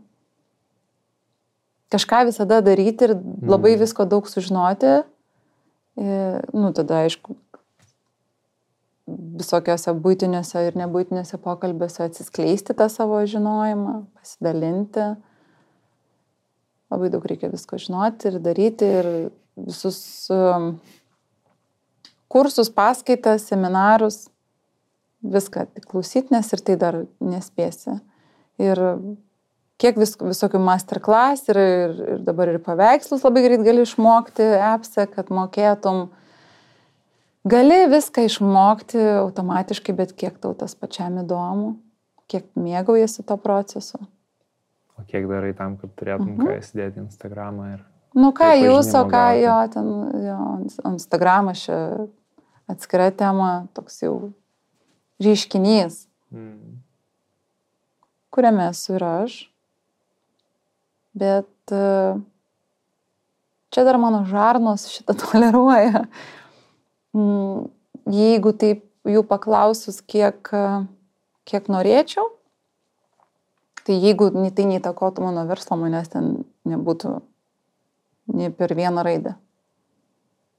Man tikrai neįdomu, ten šiaip daugumoje, ką ten kas veikia sunku, kai supranti, kad reikia tai daryti ir, ir įdomu, bet jauti tą kažkokį vis tiek vidinį konfliktą tame. Aš beje, nu, labai gerai tave, manau, suprantu, nes mhm. Instagramo esu, nu, aš, man nu, kartais net nu, yra nepatogu susipažinti, nu, kaip susitikti su draugais, kuriais nu, mes esam draugais Facebook'e, mhm. bet aš niekada neperžiūriu nieko ir man kažkas sako, o, tai mačiau, tu ten buvai tą, tą, tą, nes aš mhm. buvau įsidėjęs ir aš galvoju, bet aš tai nieko nemačiau. Ir man tada, na, nu, kaip aš aišku, tada klausiu, tai ką tu, bet toks, mhm. tarsi jeigu tu... Blogesnis draugas. Jo, nu, jeigu jau kažkas įsidėjo į Facebook, nu, tai tu turėjai tą pamatyti ir turėjai sužinoti, o aš nesužinau ir vad kaip ir tu turbūt naudoju tą tokiais labiau, nu, praktiniais sumetimais, nu, nes tai yra labai geras komunikacijos kanalas. Instagramą aš turbūt atradau vėliausiai pasaulyje. Čia aišku, šaržuoju Bet tikrai, mhm. E, kai aš nesvartau iš vis, kam jo reikia. Ir tada atostogavom šeimom su draugė, nes sako, žiūrėk, tu turi verslą, nu tau reikia to Instagramo, tau tikrai reikia. Mhm. Ir tada man viską parodė ant to telefono, aišku, prasidėjo nuotraukos, ten tie laikai. Ir, ir prasidėjo to, žinai, ego kažkiek to tokio glostimo, nes, va, žinai, laikina, atrodo, kažkam, kažkam jau čia taip svarbu, kažkam labai patinka, labai įdomu. Tas sukuria tokią netikrą realybę ir apie tave. Pastebėjau, kad žmonės dažnai pasižiūri, kas laikina ar peržiūri ten kokius jų stories, nu, ten, pavyzdžiui, ar jinai tikrai mane ten, ar, ar, ar šitam mm. patiko, ar nepatiko. Jeigu nepatiko, kodėl nepatiko labai užsigauna savivertė tada iš karto. E, tokio lūkesčio šiaip aš nekuriu, nu, ten, kad kažkam turėtų patikti arba neturėtų, bet negaliu pasakyti, kad per tą visą laikotarpį nebuvo kažkokių užuomas. Mm. Ir tada aš pradedu galvoti, kad tai yra toksai feikinis pasaulis, kur tu privalai defaultiškai gauti tik tai gerus ir teigiamus atsiliepimus, o jau nepatikti niekam negali. O jeigu kažkam nepatinki ir dar tai pasako, tai kaip tu drisai, mano anket čia mano erdvė yra, ne tavo. Ir dar tu čia atvarai, ir dar čia kažką parašai. Po, tai nepatinka, nežiūrėk. Mm. Ir ten jos plėktis gali, ten kapotis, tai jeigu nepatinka, nežiūrėkit, nedarykit to. Tarsi toksai įsivaizduoji, kad viešoji opinija negali pasiekti tavęs viešoje erdvėje. Nu, kas yra jokinga. Taip.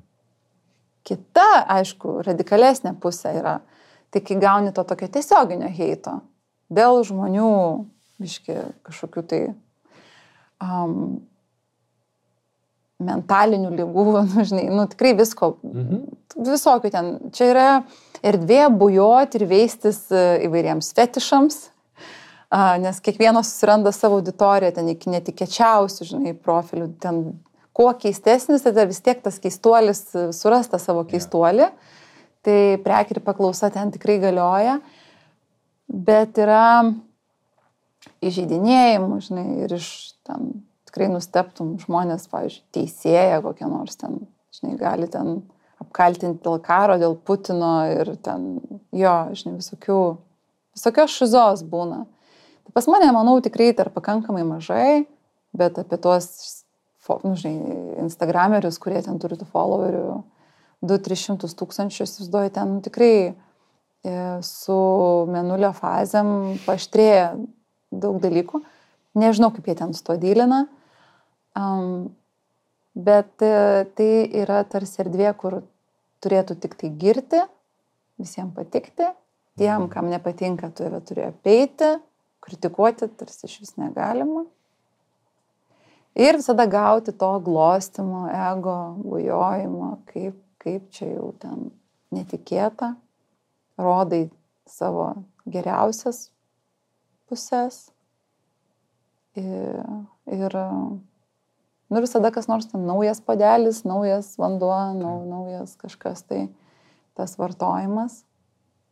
Kartais man būna konfliktai su savim. Blema, kiek mes čia dar vartosim visko, žinai. Bet aš, aš jaučiu prasme savo veikloje, aš ją matau, aš ją jaučiu.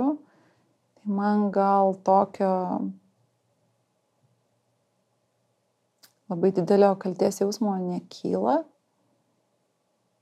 Mm, jeigu manau tai atsitiktų, galvočiau, ką galiu pasiūlyti geriau pasauliu. Kaip tu sugalvojai galiausiai pradėti molekulę? Dabar norėčiau iki to ateiti. Kaip, nu, tu minėjai, kad tau toks buvo savirealizacijos mhm. trūkumas, nu, matėjai, kad nors ir jau girdėjom, kad mokykloje biologija ten buvo ir tu stoji mediciną studijuoti undergroundų? Ir, ir kaip galiausiai tas susivedė, gal tu net pameni, nu, žinai, tokia tarsi pirmą kažkokią tai tą spark, žinai, tokią užuominą, kai tu jau pajauti impulsą, kad mhm. kažkada bus ir kiek užtruko, koks procesas buvo, kai galiausiai tu sakai, ne, viskas, darom. Um, turėjau visada tokį fetišą vaistinių ir sveikatos parduotuvių. Mm, tai dar Amerikos, Kanados, aš ten jau taip, žinai, įsiruoždavau, taip jau pasipuošus ten į tokias, žinai, visokias dispensary stores, uh, kur visokios tai augalinės trinktūros, hemopatiniai dalykai, naturopatai, tai ten aš bendraudavau, važinėdavau, vis tiek būdavo gydytojų visada aplinkui ir kažkokių tai netradicinės medicinos, natūralios medicinos.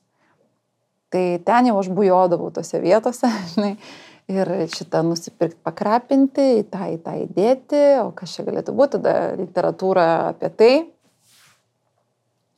Ir tai šiaip keliaujant, mano vyras tai žinodavo, kad mes tikrai eisim į šitą vaistinę, po to tikrai į šitą parduotuvę, ten kažką pirksim, labai entuziastingai vartodavo tos visus ir lašiukus, ir tabletytės. E, tai palaikoma, žinai, buvo šitas rytis. Ir, ir aš galvoju, grįšiu Lietuvą, tai būtų fainai, bet Lietuvoje viską, ką aplinkui pasaulį susirinku, e, siunčiuosi, būtų gerai vienoje vietoje turėti. Mhm. Tai buvo, Jokubas gimė Italijoje, mm, išsikraustėm į Lietuvą, Ir jau keturių mėnesių jam prasidėjo atopinis dermatitas. Ir tada, žinai, kaip pradėjau viską vėl iš naujo dabar jau vaikui, vieną iš Anglijos, kitą iš Amerikos. Galvoju, ne, nu tai palauk, visai gerai būtų čia, vat, paimti ir tikrai padaryti, vat, viską vienoje vietoje. Ir, kažkaip įgarsinau tą idėją pati savo, tada artimoje aplinkoje. Sako, jo, tikrai, nu, dar nieko nėra. Ir tikrai nebuvo. Nu, aišku, ten vaistinė. Mhm. Bet vis tiek, tai nėra labai apie tai. Ir prasidėjo tas darbas namuose, kūrimas, kas, kokie prekiniai ženklai, kokie produktai.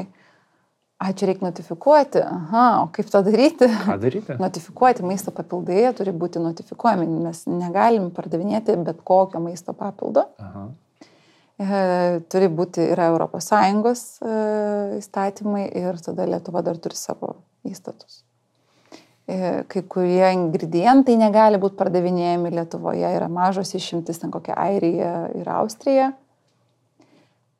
Daugelis rinkoje produktų pardavinėjami nenotifikuoti, nes tai, yra, tai kainuoja pinigus, reikia mhm. paisyti reglamento ir užrašyti sveikatingumo teiginius galim tik tuos, kurie yra patvirtinti įstatymu. Tai jeigu nėra nieko prašyta, tai reiškia ir negalima, bet tuo naudojasi visokie išopai teigiantis, kad ten įvairiausius sveikatingumo teiginius, kurie legaliai negali būti priskirti. Mm. Tai turite tokį, žinai, mm,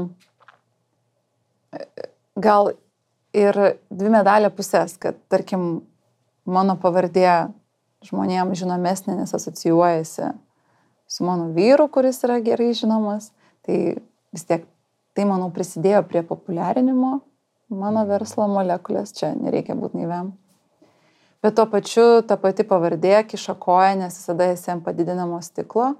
Ir susilaukiu, pavyzdžiui, pastabų iš reklamos, tokios konkurencijos, nes parduotuvės darbo laikas nebuvo parašyta kokia nors parduotuvė arba konkuravimo įstatymas, nes parodėm, kad šitam kreme nukopijuota copy-paste yra parabenų. Kai aš ten būna hebra, pažiūrėkit, ką jie rašo, kuom prekiauja, niekas neregistruota, čia net nelegalu turėti šitą dalyką. Ir ten eina kaip daina, žinai, visuose išopuose, Instagramuose ir niekam ten šimtas metų neįdomu. Mm. Tai tokie dvigubi standartai, mm. kur jau taip turi, nu, taip jau viską daryti maks skaidriai, o kažkas gali neinvestuoti tų pinigų, nes vienam, vien registracijos mokestis yra apie 100 eurų, jeigu europinis, ir daug daugiau, jeigu tai yra iš e, kitos ekonominės, žinai, šalies. Čia vien, vienam produktui. Aha, ne? tai plus dar teisininkų paslaugos, kurie peržiūri, žinai, viską ir pateikia notifikavimui ir tada tu dar gauni krūvas pastabų, vat tiek, iš VMVT ir tada ten atitinkamai pareguliuoji, nes, pavyzdžiui, koks nors e, baby bioflora negali vadintis, negalim rašyti. Nors tai produktas vadinasi visam pasaulyje, bet Lietuvoje netinka, nes tai galbūt suponuoja į kažkokį biologinį poveikį. Supranti? Tai visus šitus ten, kol taip gauni atskirą raštą, uh, E, ten akis vartai, ten visas pusės, po to galvoju, nu ką, žinai, nieko nebus, reik pagal šią dudelę šokti. Mm. Tai aš viena ir šok. Negaliu pasakyti visiškai viena, bet yra labai daug piknaudžiavimo ir ten ypatingai, kas liečia onkologinius e, klientus. Visokių iš Kinijos nesąmonių, kur gydo, gydo, gydo, viską gydo. Gydo vėžius ir viską išgydo. Tai uh, Mm, ta tokia riba yra šiek tiek čia išnykusi iš to srity. Tai va, viskas prasidėjo namuose, rašant tiekėjam, tuos, tokius, žinai, mm, kas ta Lietuva, kas ta Gneta, kas iš viso bus. Manau, kad e, man ir pasisekė gauti tinkamus, e, tinkamus atsakymus į mano kvietimus. Žinai, kartais kažkoks toks padėliojimas laiku ir vietoje, nežinau, visatos, planetų. E, nes tikrai startavom su labai stipriom kompanijom, aš kažkaip galvoju, kodėl jie iš vis pasirašė, žinai, su manim pradėti. Na, aišku, aš ten gražiai parašiau tą laišką, bet vis tiek, žinai. Ir, ir, ir viskas taip užsikūrė, kad e, žmonėm to Pasirodo, tikrai reikėjo. Ar daug tu investavai pradžiai? 40 tūkstančių pasiskolinau už savo vyrą. Tai nedaug, sakyčiau. Šiaip. Šiaip nedaug. Šiaip nedaug. Turint omenyje, į, į, į ką tai išaugo per septynis metus, tai ne. Mhm. Tai taip nepradėjau, žinai, su kažkokiam dėlėm investicijom, viską. Man buvo tokia atsakomybė, žinai, nesufeilinti. Mhm aš tokia jaučiausi, nu, bet dabar taip pasiemu ir ką, ir taip prataškau, nu, ne, nu, tai aš, aš, aš turiu, man turi pasisekti, aš, turiu, aš tikrai turiu padaryti. Man tokia vat, buvo didžiulė ambicija. Bet aš toj srity nieko nežinojau. nieko tu turi meni, kad įstatyminė bazė, nu, žinai, tokie visokie dalykai, kur tu taip naujai susiduri. Darbo kodeksas. Ir po to, žinai, tas kelias visai jis toks įdomus, jis toks pamokantis ir kad atrodo, nebenoriu daugiau nieko žinoti naujo. Bet po to supranti, kad e, vis, viskas gerai, čia, čia yra įdomu. Jo, man tas labai pažįstama, žinai, kai, kai viena, viena vertus tu kaip vartotojas, nu kaip ir, žinai, pažįsti tą dalyką ir galbūt net esi labai įsitraukęs, nes man tas pats buvo su audioteka ir audio knygom, mhm. kur aš klausydavau ir man tai atrodė, nu tai yra nu, pats nerealiausias dalykas, žinai, nuo to, kai aš atradau čia prieš, dabar jau galvoju, prieš 15-16 metų, žinai, pirmą audio knygą. Ir ten toks ilgas virsmas, kur tu klausai, klausai ir galvoji, o kaip faina čia visiems pasakoji ir kol supranti, kad iš tikrųjų nėra Lietuvoje audio knygų ir tu ten nu, kažkokia, žinai, gyveni fantastiniam pasaulyje. Bet tu pradedi galvoti apie verslą ir supranti, kad nieko nežinai apie leidybą, nieko nežinai, nei kaip garsinasi tos audio knygos, nu, toks visiškai, tai va čia, žinai, man skamba ta pažintis, kur uh, ai, tai čia yra įstatymai, reglamentuoja visus tos dalykus, jie netai paprasta, kaip atrodo. Tu pradėjai nuo elektroninės parduotuvės ar iškart mintis buvo fizinė parduotuvė? Iškart abi. Mhm. Iš karto abi. Nebaisu buvo fizinė parduotuvė, turint omeny, kad sakei, kad eini kaip ir sritį, kurioje dar niekas to nedarė. Aš manau, kad tai labai reikalinga yra, nes labai didžioji dalis dar žmonių, jie nori ateiti pasikonsultuoti, pačiupinėti, pasitepti, pabendrauti ir aš ten dirbau gan intensyviai pati gyvai, mhm. pasakodama apie, apie tą produkciją. Tai čia vėl tas kitas etapas, kai mane išgrėždavo e, žmonės. Žinai, man toks buvo toje vietoje toks lipimas per save kiekvieną dieną, bet dėl tikslo. Mhm. Bet aš jaučiuosi laimingesnė, nedalyvaudama gyvai, nes kai praeina, nu, statistiškai ten, nežinau, 60 žmonių į dieną, 70, taip, um, sugeri jų emocijas, um, visas problemas Jie taip, žinai, nepataupo. Būna tikrai labai įkvepiančių pažinčių, užsimesga draugystė, tokia abipusė simpatija, žinai, į, į mano verslą, aš, aš į klientę, dažniausiai klientės yra moteris. Tai. Ir tikrai būna labai malonu ir įdomu ir įkvepiančių moterų ateina. Būna, kad ir tokių tikrai um, pavampiraujančių žmonių, tai man po jų kažkaip tai taip um, kai kas dar uh, tokio nuolankumo mokė. Žinai, kai ten ateina, kas čia, kas čia, kas čia. Mhm. Telefonu, alio, žinai, jis taip stovi. Galvoju, po. Mokomės nuolankumo. Nu, toks taip, žinai. Taip. Maždaug tave tikrai vat, paims ir, ir parodys, kurioje tu čia subordinacijos vietoje ir kas čia yra mm. alfa. Ir galvoju, nu, atėjo tikrai pašokdinsim, žinai. Buvo keletą kartų, kai pasakiau dviem moterim, kad laikas jums išeiti. Kaip sureagavo? Kaip, kaip tu pati jautėsi po tos situacijos? E, nu, mane, mane tiek davarė. Pirma moteris, aš sakau, žiūrėkit, um, nu, va, prašau, išėkit. Aš tikrai nebegaliu šito viso klausyti ir čia, sakau, čia yra emocinis smurtas. Man tikrai nereikia. Mm. Nieko nepirkit, bet tikrai išeikit.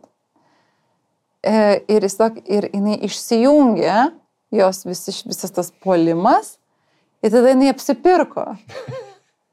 Toks... Ant autopiloto buvo tokia, atrodo, ar ne? Jo. Ir, wow.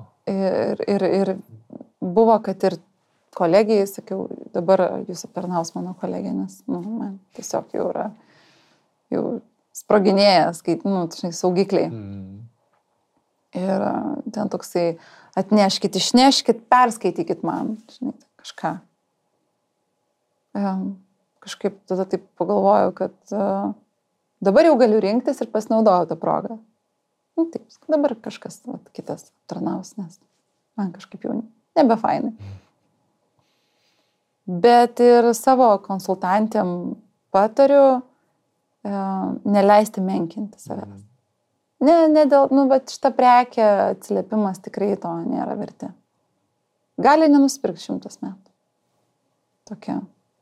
Manau, kad daug svarbiau yra tai, kaip tu, žinai, po to kažkur tas užsilieka kūne, po to kažkokie, žinai, atsiminimai, kažkas baimė sustringa. Žinai. Mm. Negali žinot, kiek tas procesinsis pas tave viduje. Tai sakyčiau, kad e, ne finansinis iššūkis labiau, bet vat, e, tas gyvas bendravimas su žmonėm kartais didžiausių iššūkių keldavo. Tu introvertė esi? Nežinau kas. Aš jau ne, save nebeistatyčiau. Ne. Aš galiu svarstyti apie tos apibrėžimus, bet aš nemanau, kad aš atitinku vieną, mhm.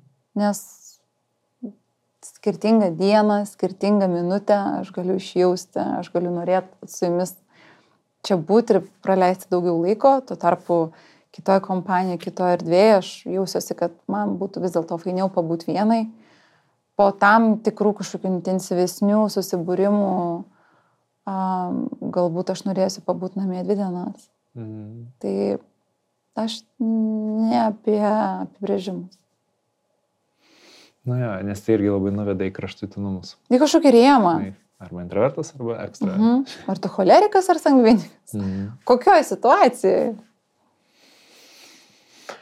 Kai tu pradėjai savo verslą, ar tu, nu, paskolinai 40 tūkstančių, mhm. turbūt su tokiu vidiniu įsipareigojimu, kad Taip. turiu būtinai gražinti, mhm. ar tu nu, kažkaip turėjai tokią galimybę pasilikusi, kad gali nepasisekti?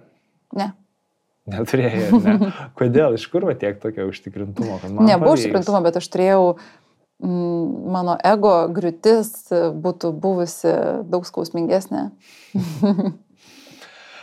toks buvo, kad aš rasiu kelią, ne? Galbūt tai aš, aš turiu padaryti, nes tikrai per niekur neleisiu savo bankrutuoti ir turiu rasti būdą, kaip,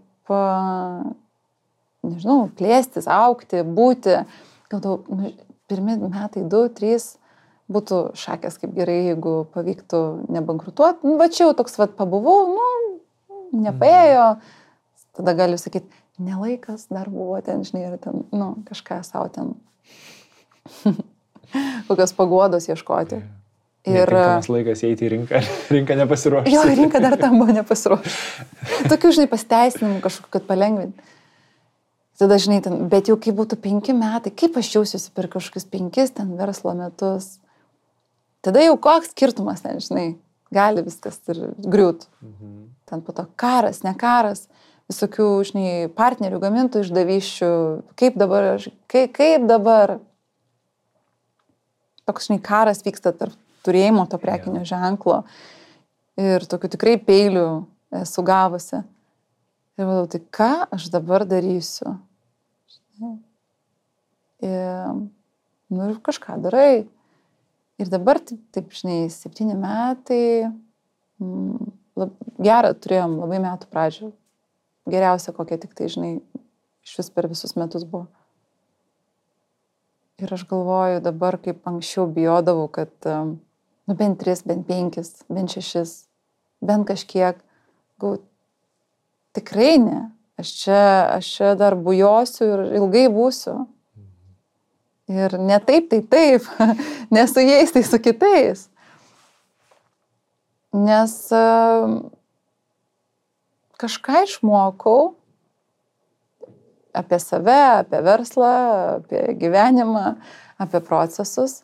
Ir aš dabar nematau priežasties, o kodėl turėtų, nu žinai, kažkas tai taip jau baisiai blogai įvykti. Mhm.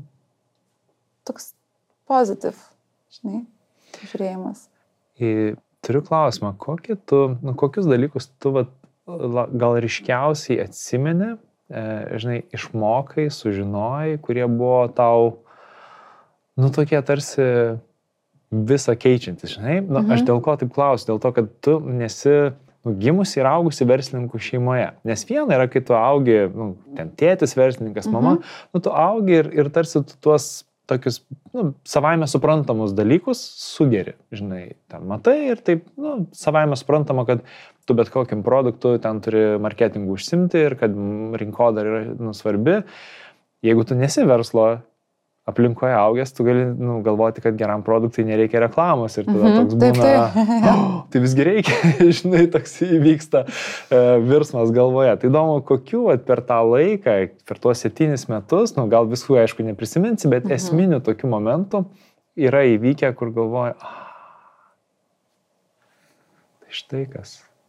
Kas, kas, kas sėkmę padaro, ar šiaip tokios pamokos? Manau, kad e, taip, vat, ku- ką tu išsineši, kur tu galvoji, aha, va iki šiol to nedarydavau, bet pasirodo, tai yra svarbu. Tai yra svarbu mano versle, tai yra svarbu mano gyvenime, galbūt irgi kas, sakykim, siejasi su Mhm. verslu.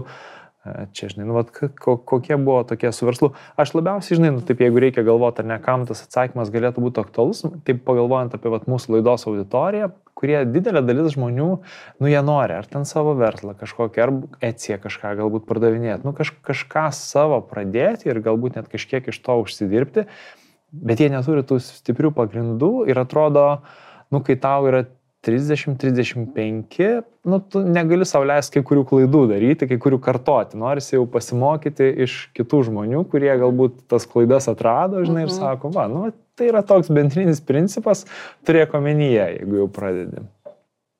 Nežinau, ar mes geba mokytis iš kitų klaidų, nes autentiška situacija, autentiška asmenybė. Būtų labai gerai tos šortkatus daryti. Kažkaip am, šituo abejoju, nes tas unikalus kelias yra kiekvieno.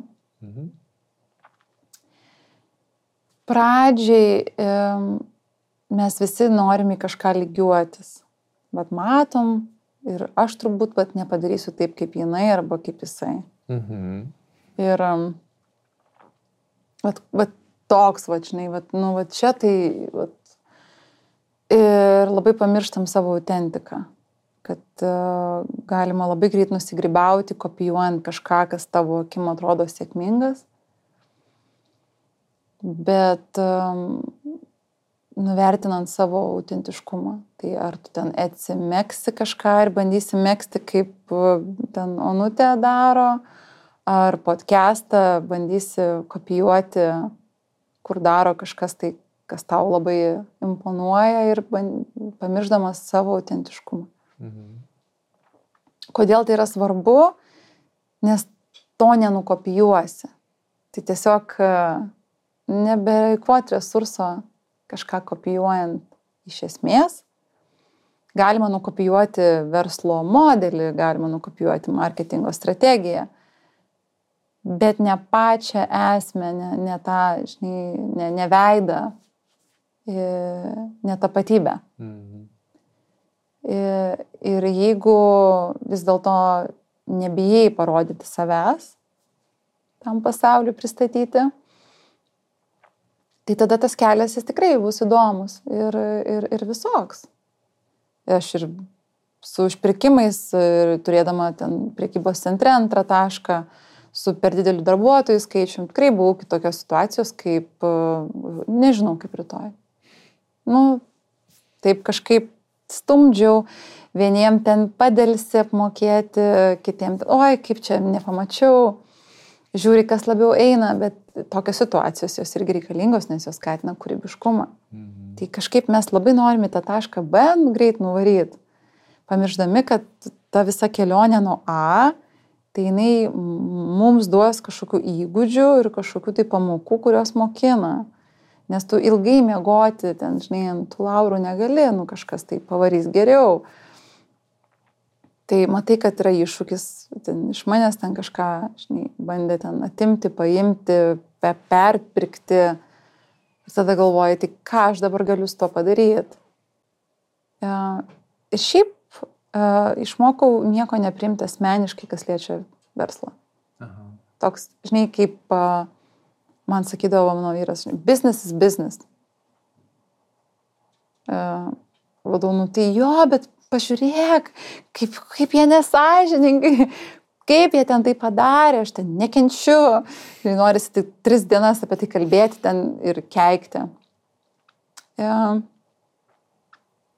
iš esmės verslas ir yra verslas, bet kaip verslo vadovas tu turi tos savo, žinai, įstikinimus, kur gali, tą daryti, arba negali, nori, nenori, ir ar lieki prie savo, ar kopijuoji tai, kas tave žaidė ir skaudino, ten bandydamas kažkam keršyti. Jeigu lieki prie savęs, nu, tai gerai, važiuojam toliau. Bet uh, kartais atsiduri tokiuose situacijose, aš konkrečiai kaip verslas yra verslas, tai, pavyzdžiui, reikia atleisti žmogų. Tai kur tada, žinai, tokie asmeniškumai. Mm. Ir mintyse, nu tai verslas yra verslas, tada jau galima. Man prakartoji. mm. Tai sakyčiau, kad tie asmeniškumai kartais ir labai pakiša koją, kaip per daug užsižaidži ten aukos mm. pozicijoje, kas ten ką man padarė, nematydamas didesnio vaizdo, kad kažkur irgi paaugi ir tobulėjai. Ir tada gali būti kažkam negailestingas irgi, nu, atleisdamas, bet, na bent jau, žinai dėl ko, aš tikrai žinau, kodėl tas žmogus netinka organizacijai. O kas liečia mm, reklamavimąsi, man irgi ilgai buvo sunku perlyti per save ir tarsi kišti tą prekę į veidą. Norėsi stebinti turiniu, kad, nu tai aš tai tik tai ne vien apie komerciją. Kiek galima čia visiems visko rodyti ir, ir reklamuoti. Bet žmonės to nori, jiem to reikia ir jeigu ne tu, tai bus kažkas kitas. Mm. Kažkas daugiau užbūstins, kažkas daugiau prikurs, Ir manau, kad dabar aš esu pasiruošusi daugiau savęs atiduoti digital marketingui, negu buvau linkus iki šiol. Mm. Nes tiesiog matai statistiką ir skaičius, tai kaip tu gali su tuo ginčytis, kad tai neveikia. Tai gerą dalyką susiras pats? Mm. Mm. Nebūtinai. Jo, ir čia tas labai svarbus yra turbūt tikėjimo elementas, žinai, kai tu tiki, kad tavo produktas, ar ne, kurį tu parduodi, tikrai yra geras ir tu tada žinai, kad žinai, kažkas dėl to, kad kitas žmogus geresnę reklamą padarė arba daugiau užpirko reklamos, parduos daugiau blogo produkto tam pačiam tavo klientui, žinai, tam pačiam žmogui ir taip net truputėlį apmaudu. Tai apmaudžiauti galime ypatingai versle dėl daugelio dalykų ir ten kiekvieną dieną žiūrint, kažkas e, teiginio apgavo, kažkas e, supanavo geresnį ten poveikį, kur galbūt tavo įstikinimu saugai save ir verslą ir reputaciją, to nedarytum.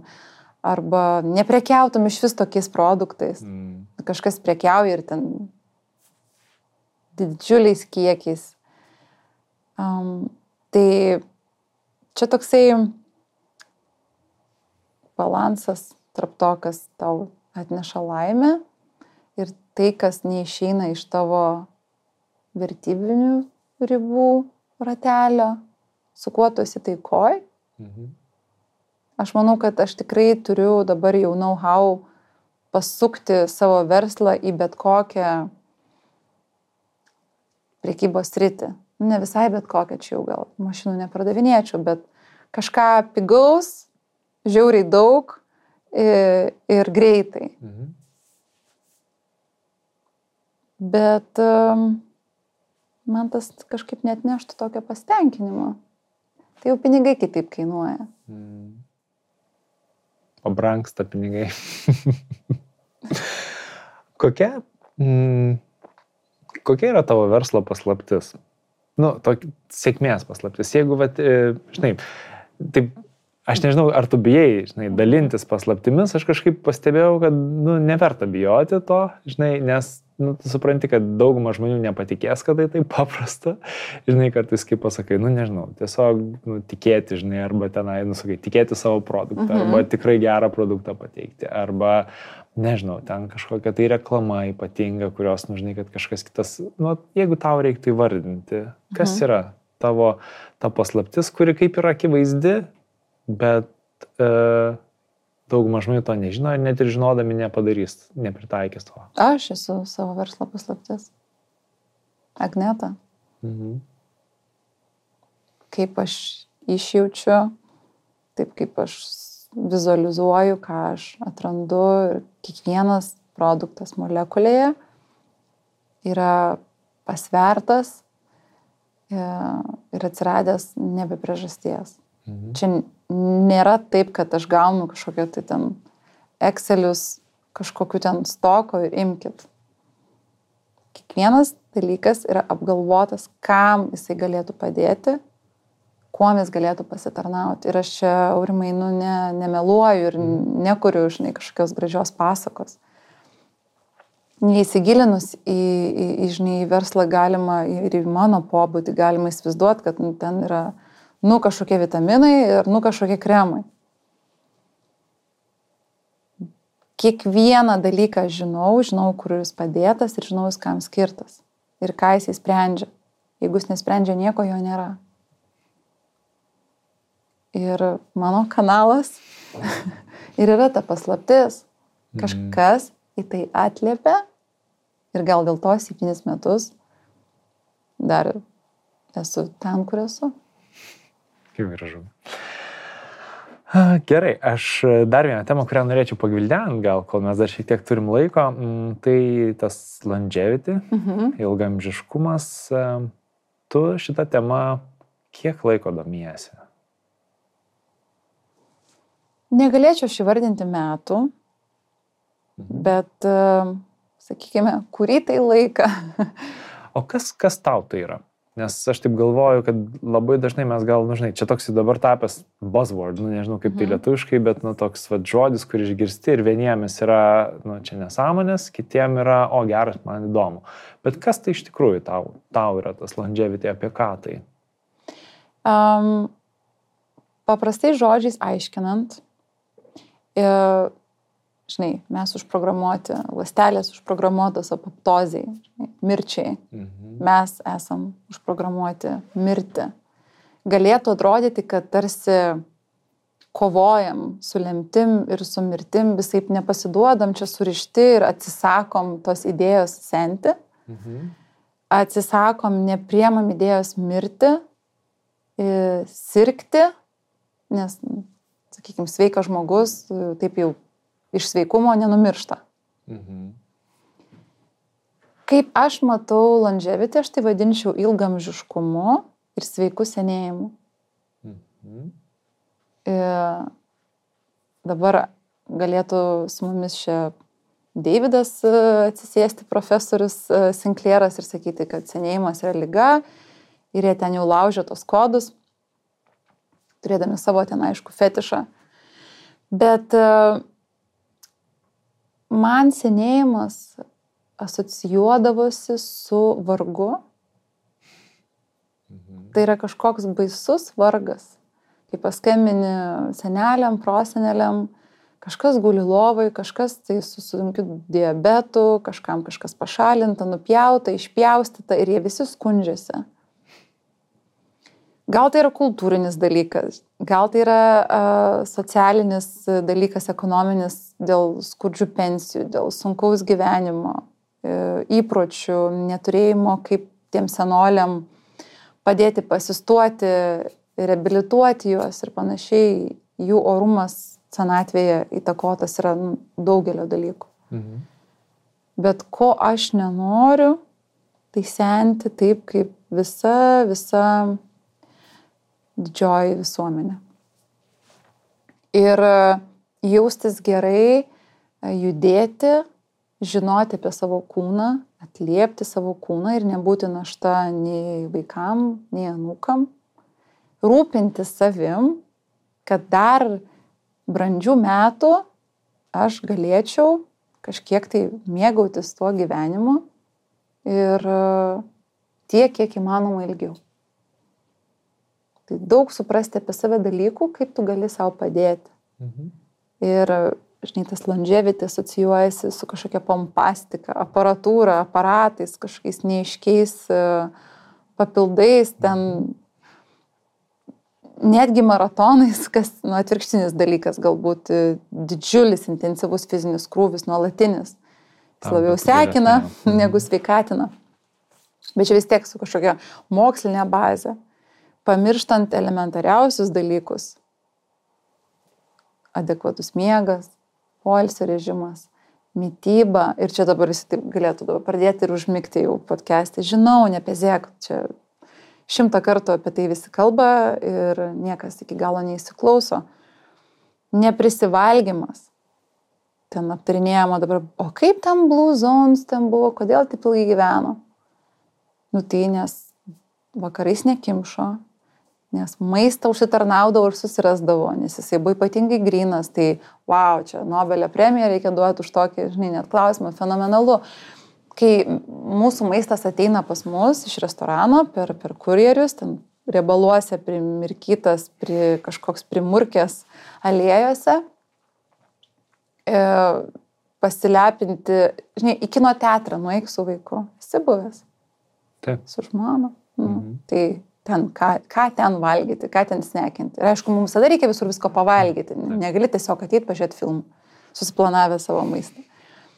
Tai ten, aš taip žiūriu, taip išklaikusi nuo, nuo tokio tragiško maisto, net nežinau, ar ten maistas, tas maistinės vertės net nėra. Ten guminukai, čipsai, popkornai, viskas. Šo, kažkoks, nu, toks, jo, viskas spalvoti, ten deda tiem vaikam tos maišelius, ten tą visą chemiją. Tai, Tai vad, prašau, sveikas ilgamžiškumas, žmogus nieko apie save nežino, jeigu jis žino, tai jis net nenori žinoti ir girdėti. Mhm. Beje, noriu pasigirti, kad e, balandžio 13-14 dienomis patsų konferencijų salėje aš organizuoju tokią, nu, gan nemažą, didelę a, konferenciją gydytojam ir kitą dieną šiaip tiesiog entuziastam, būtinai pakviesiu tave aurimai. Mhm. E, surinkom labai didelę komandą iš Lietuvos ir užsienio speakerių ir tokius workshopus konkrečiai apie sveiką senėjimą ir ilgamžiškumą. Tai jeigu nors kiek yra žmogui, nu, tikrai taip net, nesėdėt ant sofos ir norėt būti, bet tiesiog būti ir rūpinti savo kūnu, tai pagrindiniai longevity principai yra tikrai labai paprasti, bet mums yra fainiau įsivaizduoti, kad yra kažkoks magic pill. Mhm. Nu, bet aš ir dabar prisimenu, atsimenu šitas Davilės Filmanavičiūtės toks rentas, kaip aš vadinu, buvo mhm. ilgas Instagram'e, kur jinai, nu, iš esmės, kaip ir turbūt ir buvo, pagrindinis jos priekaištas būtent, kad, nu, tie baziniai longevity principai yra, nu, vos ne savaime suprantami, ten miegas, sveika mytyba ir mhm. taip toliau bet visi, kas kalba apie ilgamžiškumą, turi kažkokius savo e-shopus, ten, man atrodo, irgi kažką, ar ten konferencija, ar kažkas Taip. buvo, kuriuose jie pardavinėja papildus. Aš sakyčiau, gal tai būtų puolimas um, toks priekaištas, uh, tarsi papildai jau negali būti niekaip mhm. susijęs su ilgamžiškumu. Nunei, nuneikim visas uh, žinai, bioflavonoidus, nuneikime NMN arba NADO boosterius, kurkuminą, galim omega, viską nuneikim, kad čia yra nuskemas. Tai ar čia yra tiesa? Nu tikrai ne. Tai, tai mokslas yra tikrai stipriai pažengęs ir jis gali pagelbėti ir tikrai ženkliai išmatuota galima mokslu pamatuoti. Čia ne tai, kad nu, pažadas ir tu išjauti ar ne, bet tai yra mokslu pamatuojami rezultatai. Tai sakyti, kad uh, longevity yra schemas su papildais yra irgi netiesa. Mhm. Nu, čia būtų jau ginčiamasi su įrodytais dalykais. Uh, bet įsivaizduoti, kad tik vartojant, žinai, tu e, jeigu taurimai vartotum daug alkoholio, tai mėgi, tai nemiegi, atsikeli kavos, rūkytum, baliai ten kažkokie, žinai, tavo miego režimas savaitgalį į barus, ne, ten kažką pamiegi, nepamiegi, valgai, nu ką valgai ten, ką sakai, dienos pietus, po to ten vakare kažką prisnekini, jokio ten naminio maisto ir pasiklausai kažkokio tai influencerio kalbas apie longevity ir tada vartoji labai daug papildų, tai aš sakyčiau, nu, tikrai ne tas ant to. Sėkmės. Taip. Ir tada galima būtų piktintis, kodėl jie čia kalba ir reklamuoja savo išopus ir longevity. Mm. tarsi turė, turint tikrai gerus produktus, apie juos kalbėti negalima. Mm. Galima, e, jeigu tu tiki, jeigu tau tu to prekiauji, gali ir neklausyti. Tai nepamirškime holistinio, viską apimančio santykio. Tai nebus nei taip gerai, nei taip. taip. Bet yra dalykai, kurie koreliuoja tarpusavį ir vienas kitam padeda. Tai jeigu, tarkim, tu turi didžiulį vitamino D trūkumą e, ir kitaip niekaip tu neišsispręsi, nes jau yra genetinis kažkoks nu, problemas su genų mutacija, tai be abejo vartosi D vitamino papildus. Mhm. Tai klausimas, kokios kokybės. Ar pakenksi, ar padėsi, ar atstatysi, ar ne.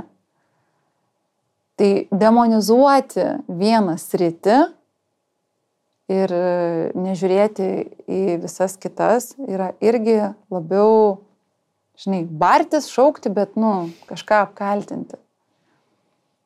Tai reikia vadovautis visada, visame kame, nu, kažkokiu tai common sense, nu, žinai, mhm. sveikų protų, kad be pirago nebus norago.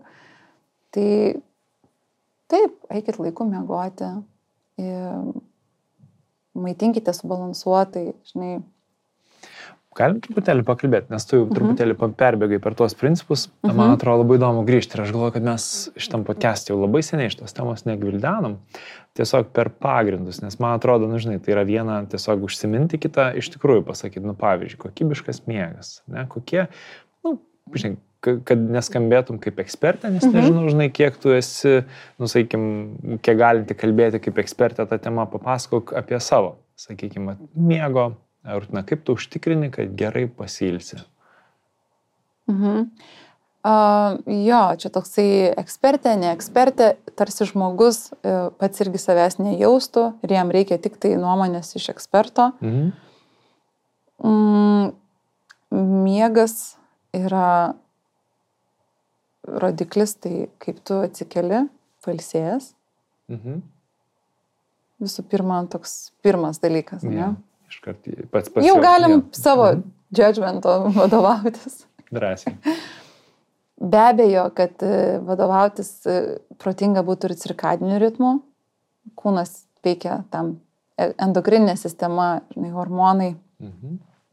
Yra taip, kad yra ir paros laikas, ir tam tikri hormonai tave pažadina, tam tikri hormonai tave užmigdo, nu netiesiogiai, bet tarkim, melatoninas yra kaip sušvilpėjęs švilpuku, kaip varžybose, kad jau hebryte darom kitus dalykus. Mhm. Ir e, galima kažkiek su to cirkadiniu ritmu pakovoti. Tas labai atsiskleidžia keliaujant ir keičiant laiko zonas. Jeigu galvoji, kad tu esi nepavaldus cirkadiniam ritmui ir hormonam, ir pats gali savo nuspręsti, kada ką daryti, tai aišku, va, pakeisk e, laiko juostą šalis, pasižiūrėsim, kaip tu ten paimsi taip ir užmigsi. Mhm. Mūsų irgi valdo biocheminiai procesai. Mažiausias molekulytės. Mhm. Tai reikia nepamiršti, kad jos mums yra naudingos ir mumis rūpinasi. Ir gamta tikrai e, nebuvo kvaila, apsprendusi stengiuosi eiti mėgoti iki 10 valandos. Ir man reikia, aš esu išjautusi, išmatavusi empirinių principų ne mažiau negu 8 valandų. Galbūt mano kolegijai reikės mažiau, bet tikėtina, kad visada daugiau miego reikia moteriam negu vyram. Mhm. Mūsų ir hormonų sistema tokia labiau komplikuota atsistatymas mums yra ilgesnis. Vyrai kažkaip, žinai, ryte tas kortizolis ir keliamės. Tai rekomenduoju miegoti ne mažiau vyrams negu 7 valandos. Tikrai ne mažiau.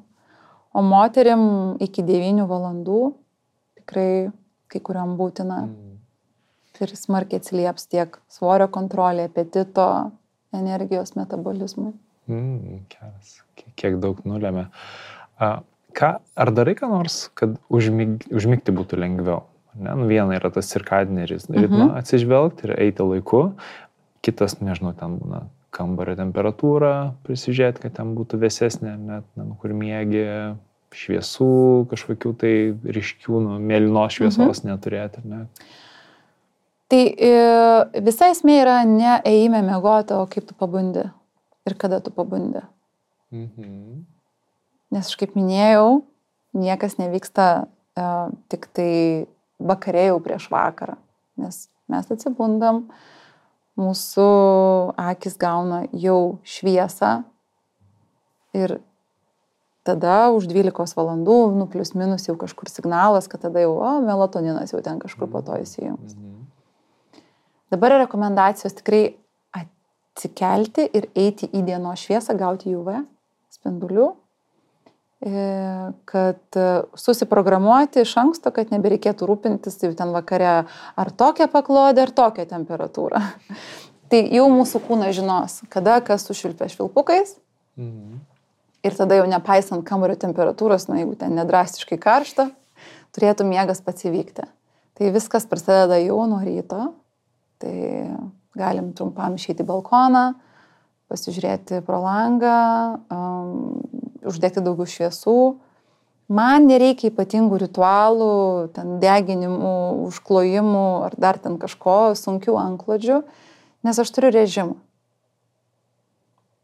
Tai kai kurios žmonės taip, kurie neramus, būdrauja, turi stresą, Tai aišku, kad maži dalykai gali pakeisti.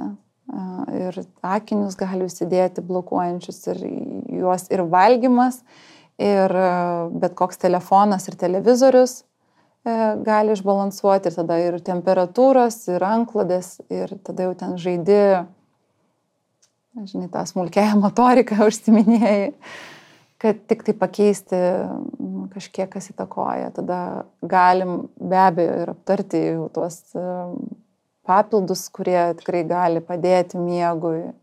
Ten ta pati švaganda, lemon balmas, e, net ir na, tas pats valerijonas. E, šiaip daug, daug tikrai medžiagų ir ramonėlio arbata, kai kam ritualas, kai kam mm. nusiraminimas, o ne.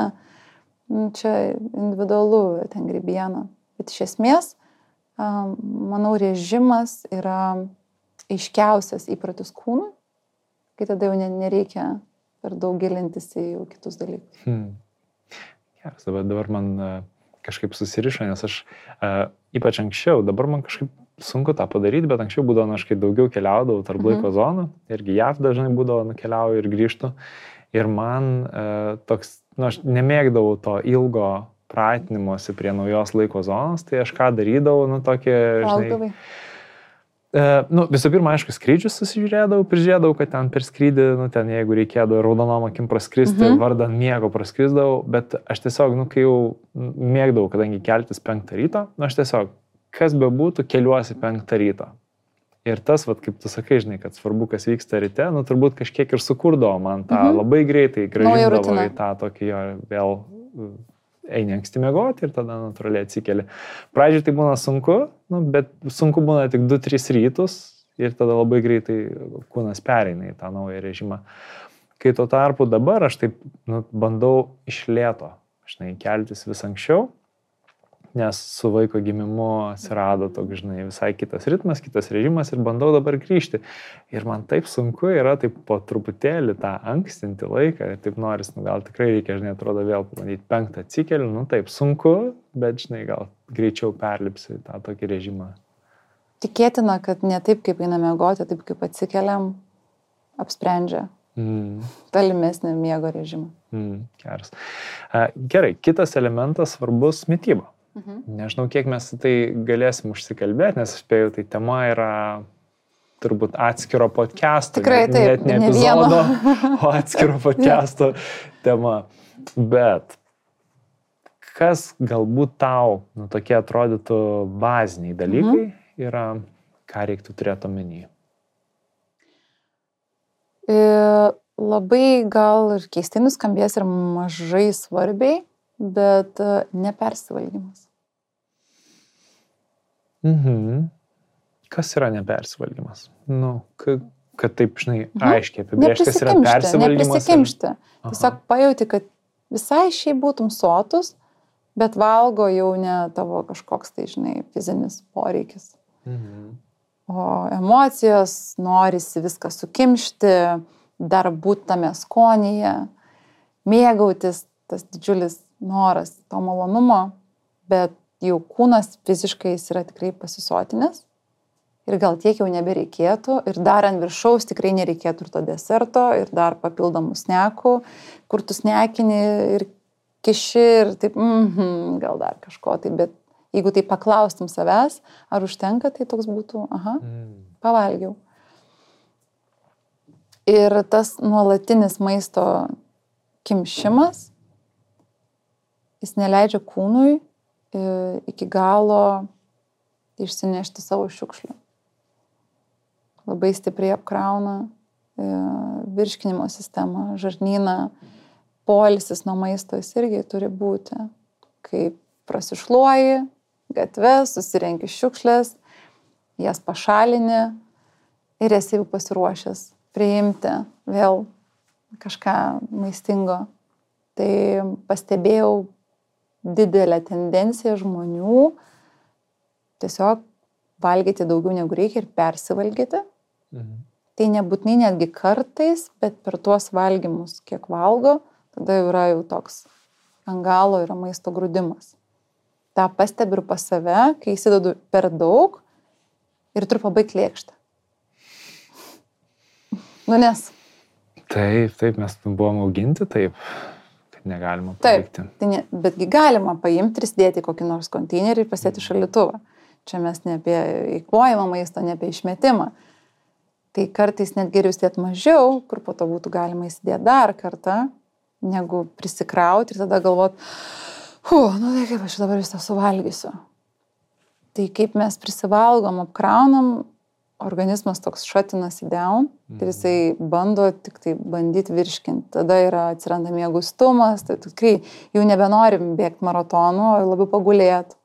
Kažkaip, a, nu kokio paguliuko, nu, čia šventės labiausiai gal tą vaizdą iliustruoja, kai būna mhm. tas persikimšimas, bet tas šventės pasidarome kartais vakare, kartais savaitgaliais, kartais žiūrint kažkokį kiną, e, su draugais vakarieniaujant.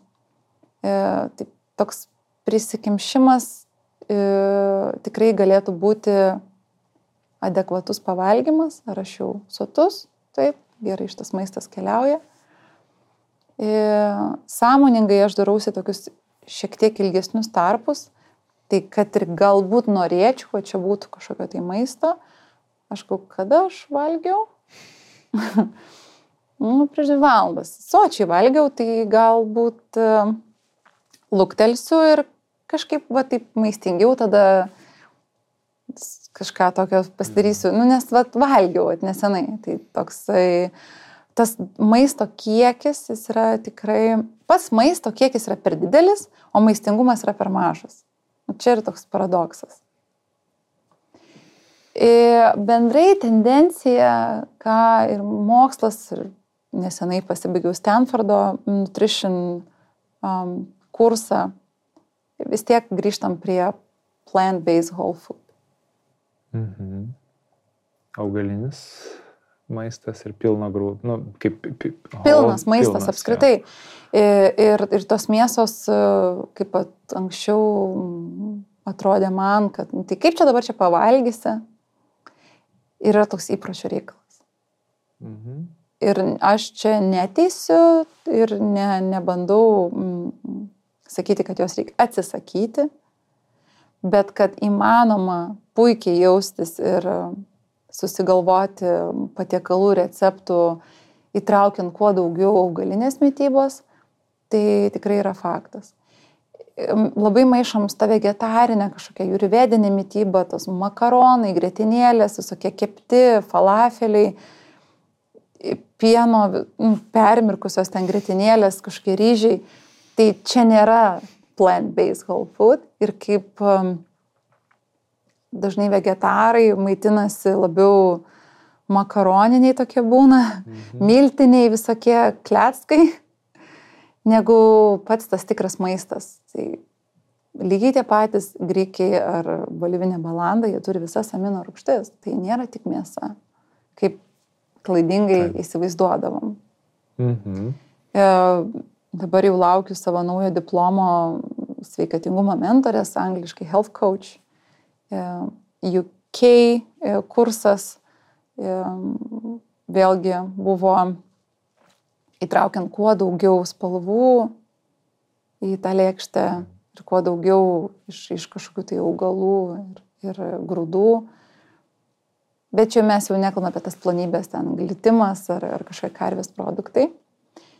Tai sakyčiau, kad e, mažiau mėsos, daugiau pilna verčio, pilna maisto ir viskas, kas primintų tą maistą iš esmės. Mhm. Ir valandų tarpai, bet čia mes grįžtam prie to snekinimo arba to persivalgymo. Jo, bet man atrodo, tai labai svarbu, nu, tas nevalgymas tarp, ne, neužkandžiavimas tarp valgymų. Mhm. Man atrodo, tai yra irgi vienas iš tokių pagrindų, kad leisti tam visam e, insulinui, nu, insulino lygiai. Kūnui išsilsėti, mhm. suvirškinti ir jeigu tas snekinimas, jisai kartais nepastebimas yra, pavyzdžiui, kava su pienu, pelatė. Tai yra um, avižų ten pienas, tai ypatingai šoka insulinas. Aš pati matuoklį buvau įsidėjusi pasižiūrėti ir savo, ir sūnui. Um, šeimoje turėjom pasižiūrėti, ką nulėmė va, kažkokie tokie snekinimai pas, pastebėti, kaip vaisiai e, veikia, kuo puikiausiai viskas ten labai gerai, vaisių lėkštė irgi buvo kažkaip labai tokie sudemonizuoti mm, spaudos. Gal, gal dėl sulčių, nu, nes vėlgi turbūt labai skirtingai reaguoja mhm. sultis ir vaisius. Patarimai, kad ten būtinai uogas valgyti ten ar vaisius su riešutais kažkokiais, kad nekiltų, tai man visiškai neužkilo. Aš maišydama skirtingus vaisius ar uogas, e, nieko blogo nepastebėjau. Mhm. Bet ta kavytė, kažkoks sausainukas, kažkoks ten kažkas yra tikrai dalykai nereikalingi. Ir dabar yra dvi tokios pastebių stovyklos ir socialinėse medijose, kur kalba apie tai, kad kam pasakoti ir um, gadinti tą mm, valgymą ir draudžiant galima, negalima, na tai kalbant jau apie valgymo sutrikimus, kad jis kažkoks iš pajautos turi būti ir um, žmonėm ribojimai kažkokie tai labai palieka neigiamą kažkokį psichologinį aspektą. Mhm. Tai tarsi viską mes galim valgyti ir maždaug neapsikraukime, ten neribokime savęs, nes gal, galimai kokį nors ten valgymo sutrikimą tada turėsim save, save ribodami. E, kas irgi yra jau perspausta. Mhm. Arba tada jau ir visos reklamos e, to stipriai nutukusio kūno su drabužiu, sakykime, reklamose, kaip E, labai labai pozityviai, ypatingai garbinant, e, rodoma koks nors ten, nežinau, stipriai nutukęs, stipriai mhm. nutukusi moteris, reklamuojanti ten mados kažkokius apatinius ar, ar kažką, tai tarsi kaip ir, e, kad priimkime kūną toks, koksai jisai yra. Tas body positive, vadinamas. Va, teisingai, aš galvoje ieškojau to žodžio. Tai ta body positivity yra labai svarbus dalykas, mhm. bet mes jau iškeliam ant piedestalo stipriai nutukusi žmogų. Tai to pasiekoje mm, teigiamai vertinam surebėjusios ten organus visceralinius ir, ir, ir kad nutukimas yra tiesiogiai koreliuojamas su širdies rizika, infarktais, insultais, kraujagyslių aterosklerozė. Mhm. E, tai yra didžiulė apkrova sanariam, e, uždegiminiai procesai. Bet čia aš nekalbu apie apkūnų žmogų, nes mhm. tas kūno kompozicija yra genetiškai nulemta ir moteris, jinai šiaip turinti daugiau riebalinio sluoksniais, mums tarnauja vėliau atsitinkant menopauzai, e, perėmą estrogenų funkciją, bet kalbam apie nutukusi nesveiką žmogų, kur yra širdies lygų super mega padidinta rizika. Ir tada jau tas pozitivity, kad va, tada jau va, čia taip turim būti ir tada ten didžiulis kiekius riebalų a, rodom, garbinam jau vėl į, kitą pusę, nes nereikia savęs riboti visko galima ir bet koks kūnas yra gražu. Galbūt yra gražu, čia matančio akis tas sprendžia, bet tą tokį, vėlgi grįžtam prie tos veikos logikos, pamatavus e, visus duomenis sveikatos, nu, tikrai būtų daug raudonų vėliavų. Mhm. Ir tada, nu, ką jisai darytų, eitų, žinai, vaistai, tada toliau prasideda didžiulis vaistų vartojimas. Nuo kraujospūdžio, e, statinai, antro tipo diabetas. Ir e, tai čia toksai nėra iš mano pusės rekomendacija kažko savo neleisti, ypatingai skrupulingai, nesveikai, kontrolieriškai valgyti tik tai uh, morkas tarkuotą su burokėliais, jokiais būdais nei burna nesidėti mėsos ar neišgerti kavos ar taurės vyno. Kraštinumai, uh, čia palieku šitą karą, nežinau, socialinėse medijose.